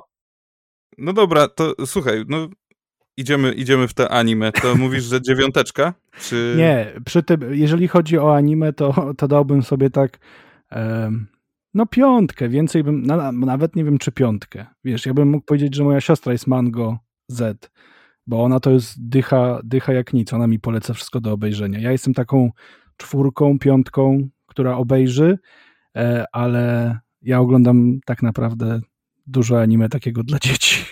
Ale to, nie, to jest nieważne, jakie anime oglądasz, ale ja obserwuję e, twój Instagram i często widzę, jak e, na przykład wstawiasz soundtracki e, z, z anime, co zwykłym oglądaczom anime się raczej nie zdarza. To, to, to właśnie idzie w, już w stronę mango zjebania i to dość mocnego. To jest. Także masz, za, ma, jeżeli w siebie wątpisz, to ja ci powiem, że, że nie powinieneś, bo masz zadatki na taką mocną ósemkę. To, to, wiesz co, teraz sobie uświadomiłem, że w sumie ja mogę być taką mocną ósemką, bo ja z utęsknieniem czekam każdej soboty lub niedzieli, kiedy pojawi się w internecie kolejny odcinek e, Baku no Hero i usiądę na te 20 parę minut przy komputerze i będę mógł się po prostu do ekranu pocieszyć jak głupek. I to, to jest naprawdę, ja, i to nie jest tak, że ja wiecie, czekam na zasadzie hmm, no ciekawe, co tam ciekawego będzie, tylko wiesz, ja kończę odcinek od razu, YouTube, teorie, co się wydarzy. Ostatnio już byłem po prostu okay. tak, tak przyciśnięty do muru przez to anime, że mówię, kurwa, no pierdolę to wszystko. Ja już mam dosyć, że oni tak kończą te odcinki. Wziąłem, odpaliłem sobie mangę, przeczytałem sobie z 10 tych tomów do przodu i mówię, o, dobra, teraz mogę w spokoju oglądać, Jesteś wiem, co się wydarzy. Tak, już się nie muszę o nikogo martwić. To, nie? to masz ten sam syndrom, co dzieciaki urodzone e, na przełomie lat 80. i 90., na RTL 7 leciał Dragon Ball. Że wszyscy wracaliśmy ze szkoły rzucaliśmy e, plecaki w kąt, siadało się, oglądało się ten jeden czy tam dwa odcinki, nie pamiętam, a później jak się wychodziło na podwórko, to, było, to były cał, pół dnia rozmowy o tym, co tam się wydarzyło. To lepiej, to nawet nie tyle powroty ze szkoły, tylko wiesz, czasem wychodziło się na podwórko, kopało się w piłkę, te ważne wszystkie mecze o złote kalesony, wiadomo, między ławkami jakieś tam bramki były, czy między huśtawkami, ale był sygnał, że leci Dragon Ball, Puh, wszyscy grzecznie do chaty i oglądane. Tak jest. Cholera, tak, mi to jest bardzo smutne, bo to wszystko mnie ominęło jakoś i jedyna styczność, jedyną styczność, jaką miałem z Dragon Ballem, to były te karty z Chio Chips, bo, bo jadłem chipsy. Nie, to ja tutaj, Wiktor, ci powiem, że to dlatego, że nasz rocznik e, oglądał Dragon Balla i była jakaś tam zajawka, ale na przykład, nie wiem, w moim towarzystwie, w moim przedszkolu i szkole, to na, na tapet szły Pokémony. To Pokémony, no bo Dragon Balla się oglądało, ale na Pokémony się biegło. To, to prawda. Ja nie przypominam sobie zajawki na Pokémony. Zbierało się te, e, te żetony, tak? Tazosy. Też były w chipsach, tazosy, ale... I hazard się na nich uprawiało hazard, też. Hazard, na, tak na tych, na klatkach schodowych. U nas były ale ja się przyznam, że wymieniłem cały karton tych tazosów na cały karton właśnie kart Dragon Balla z Chio i graliśmy w ty, tymi kartami, wymyśliłem grę taką na zasadzie Yu-Gi-Oh! albo Duel Masters. Nie wiem, czy oglądaliście. Ona miała, ona miała jakieś tak. zasady? Tak, Yu-Gi-Oh! też oglądałem, no, ale tak Znaczy, bardzo... nie, te karty z Chio nie wiem, czy miały jakąś zasadę, ja mówię, że wymyśliłem pewne zasady gry i właśnie to traktowaliśmy to jak Yu-Gi-Oh! To z Chio były Władcy Pierścieni, to tam były mocki, jak się przycisnęło Nie, palce. to, to w lejsach były. W tak, lejsach, tak, w lejsach? Tak, tak, A, tak, w lejsach. No, One tak. były tam na, na, na ciepło palca chyba, jakoś mm -hmm. tam aktywowane i tak, z tego co pamiętam też miałem kilka. I Heroesy też były. To jest pierwsza rzecz, jaką w życiu aktywowałeś na ciepło palca. Heroesy tak. czwórka. Hero... Jezus Mary. Hero... Heroesy czwórka w ogóle, co zgro... o zgrozo były w, zgrozo, w chipsach tak. też. Nie? To Naprawdę? ciekawe. To mnie no. to, tak, tak, tego to, to, to, to, mnie ominęło. No, były, były. były. Ale co do chipsów, to ja pamiętam y, teraz jeszcze do tego mango zjebania, to dwie rzeczy. Pierwsza, przypomniałem sobie właśnie, że chciałem wam powiedzieć historię, taką na szybko. W przedszkolu, co do Pokémonów. Kiedyś miałem urodziny zorganizowane i zakończyłem je wcześniej, ponieważ wiedziałem, że muszę wrócić do domu i nagrać na kasetę Pokémony. To jest raz. I faktycznie moja mama powiedziała, sorry dzieciaki, no jakby już koniec, koniec zabawy. Damian, Damian idzie do domu oglądać Pokémony. Jeszcze mam wiele takich historii pokemonowych, ale one też obracają się w takich tematach To, co, to, to w takim razie Pokémony są twoim ulubionym anime? Nie, wiesz, że ja... Serią, umówmy się, że podzielmy film fabularny, a, a serię, bo to jest też całkowicie inny temat. To tak, to myślę, że Pokémony jako ta, ta, ta pierwsza, pierwsza seria to jest po prostu Mistrzostwo Świata i to jest faktycznie chyba moje takie ulubione anime, ale emocjonalnie w chwili obecnej jestem o wiele bardziej związany z właśnie My Hero Academia, bo ja nie wiem w ogóle jakim cudem to się stało. Ja się tak, tak mocno w to wkręciłem, że ja sam nie, sam nie wiem, no jestem strasznie w to wkręcony. Ja już nawet, A czy ja to anime też ci na, zasugerowała siostra? Przepraszam? Y, czy to anime też ci zasugerowała siostra? Tak, tak, ona powiedziała, musisz to kiedyś obejrzeć. Ja mówię, no, no dobra, no to obejrzę. No już umarł w butach. z filmów fabularnych? z anime? Tak, z, ze trzy jakbyś miał wymienić, jeżeli w ogóle siedzisz w tym? Ja przypominam tylko, Damian, że ci pokazałem Mononoke. Więc wiesz, weź się pod uwagę. Numer trzy to właśnie ta Mononoke, księżniczka. Tak, księżniczka Mononoke, gdzie w ogóle nie było księżniczki żadnej ani Mononoke. U mnie, u mnie numer jeden. Znaczy Mononoke to było co innego tam. Tak, tak, to prawda. Właśnie tak, też tak, się tak. zastanawiałem w ogóle o co chodzi z tym tłumaczeniem. Może takie e... polskie tłumaczenie było. No tak. Nie, no nie tylko po polskie, bo, bo po angielskie chyba też, prawda? Tak, chyba też było jako Princess Mononoke. Tak, tak a ona wydaje. zupełnie inaczej się nazywała. Już właśnie zupełnie zapomniałem jak się nazywała, ale zastanawiałem się, co to jest to Mononoke. Czy to jest jakaś, tra, e, jakaś taka e, kalka językowa z. z... Nie, no bo, bo mo, się, że... Mononoke no. to tam było określenie chyba na któregoś tam ducha. Ducha, puszczy? tak, też tak, ducha tak, puszczy, tak. jeżeli dobrze pamiętam. Tak, tak duch, ducha tak. lasu, tak. No. Czyli mo może tam jest gdzieś w tym tytule jakieś mał, małą czcionką ukryte end Princess and Mononoke na przykład. Ale tam Albo nawet księżniczki nie było dodać. żadnej. Tam nie było księżniczki. Przepraszam, to mi teraz umknęło. No dobrze, to mamy miejsce trzecie. Miejskie, miejsce drugie to jest My Hero Academia czy Baku no Hero e, Hero Rising. Czyli film, tak? Tak. W ogóle A który to jest? Bo teraz chyba najnowszy wyszedł jakiś. Wiem, nie ma jeszcze nigdzie w internecie, już szukam od tygodnia codziennie. Ja, w, w, w internecie?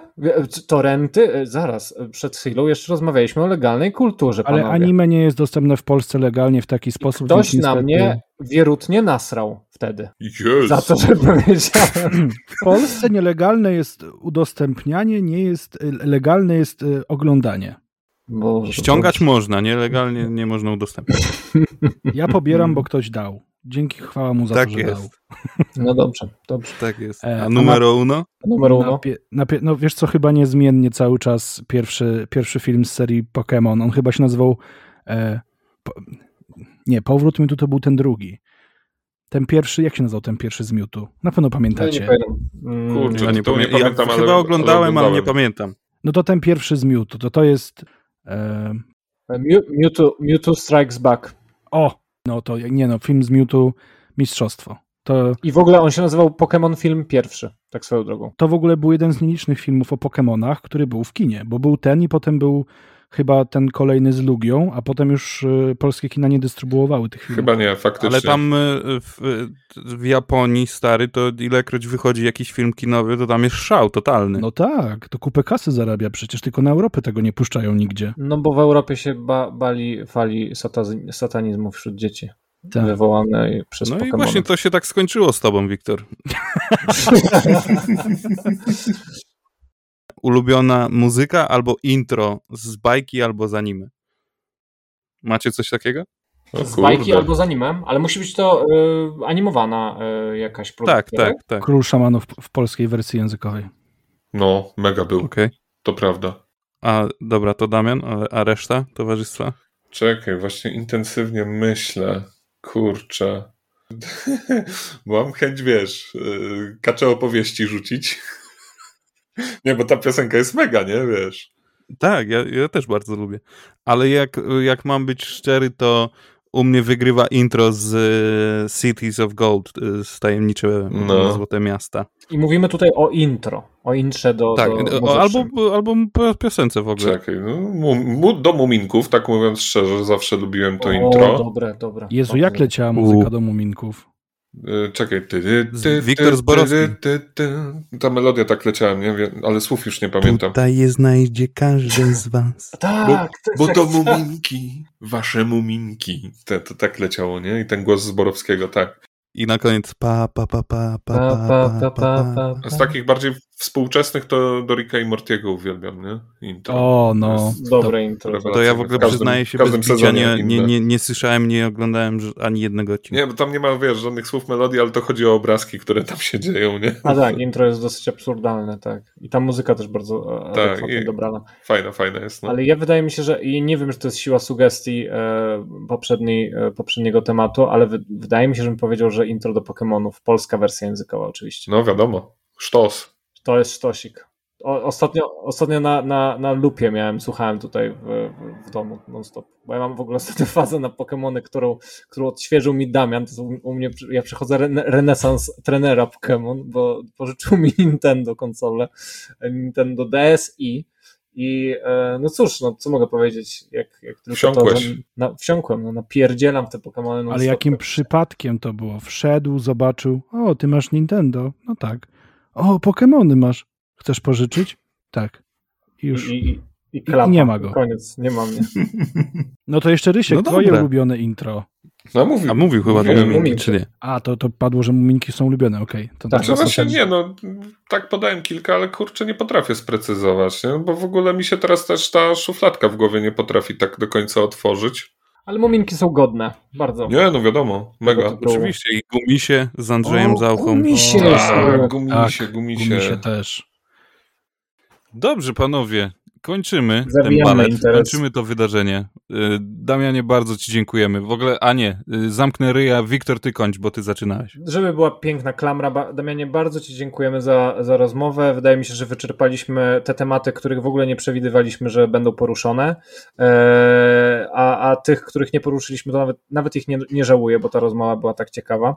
Ale coś czuję, ja na przykład czuję, że gdybyśmy się spotkali i mieli więcej czasu, a nie o takiej porze, gdybyśmy się spotykali, to byśmy gadali, gadali, gadali, gadali, gadali. gadali. Prawda. Dokładnie. Więc Też to tak już jest świadectwo jakości tej, tej rozmowy, przynajmniej z naszej strony. E, mam nadzieję, że właśnie ty, ale już powiedziałeś, że tak uważasz. Jaki ty jesteś nieskromny. Tak, bardzo, bardzo. Ja znaczy się? Tak. A, no. jak, to, jak to powiedział Salvador Dali kiedyś, skromność nigdy nie była moją mocną stroną. No, nie ma co się A ja myślałem, że powiedział, że, że nie sztuka uciec, gdy w dupie sztuciec. No, no to wiesz. Także dziękujemy bardzo. Damian... I fałszywa skromność jest bez sensu w tym przypadku. Dokładnie. Damianie, idziesz z psami? To może ja jeszcze też podziękuję i się pożegnam.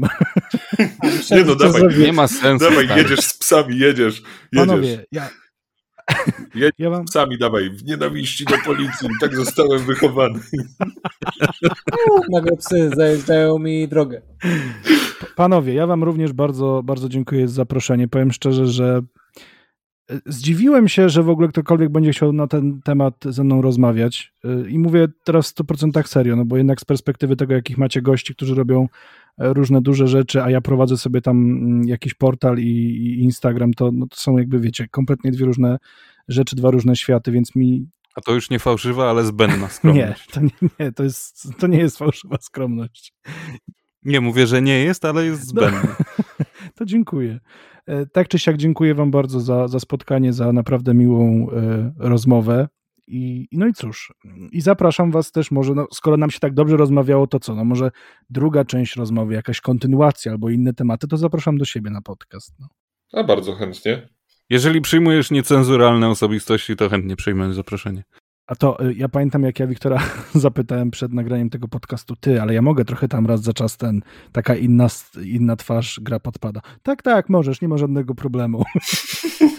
Bo ja mam taką zasadę w sieci, że y, po tym, jak zacząłem dostawać wiadomości od młodych ludzi, że moi rodzice pozwalają mi ciebie oglądać, bo zachowujesz się tak i tak, to stwierdziłem, nie no kurwa, nie będę młodzieży teraz, wiecie, deprawował i tam rzucał na K, a ja tam sobie lubię czasami trochę Damy rzucić. jakiś disclaimer na, na, na tło. Kurczę, honorowy, przyzwoity, skromny.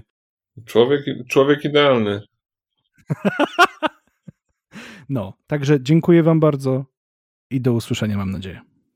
W dzisiejszym podcaście to już wszystko. Jeżeli nagranie przypadło Ci do gustu, zostaw komentarz. Jeżeli nie przypadło, również zostaw komentarz. Prosimy o suby, lajki i inne dzwonki, które pozwolą nam rozwinąć skrzydła. Dzięki!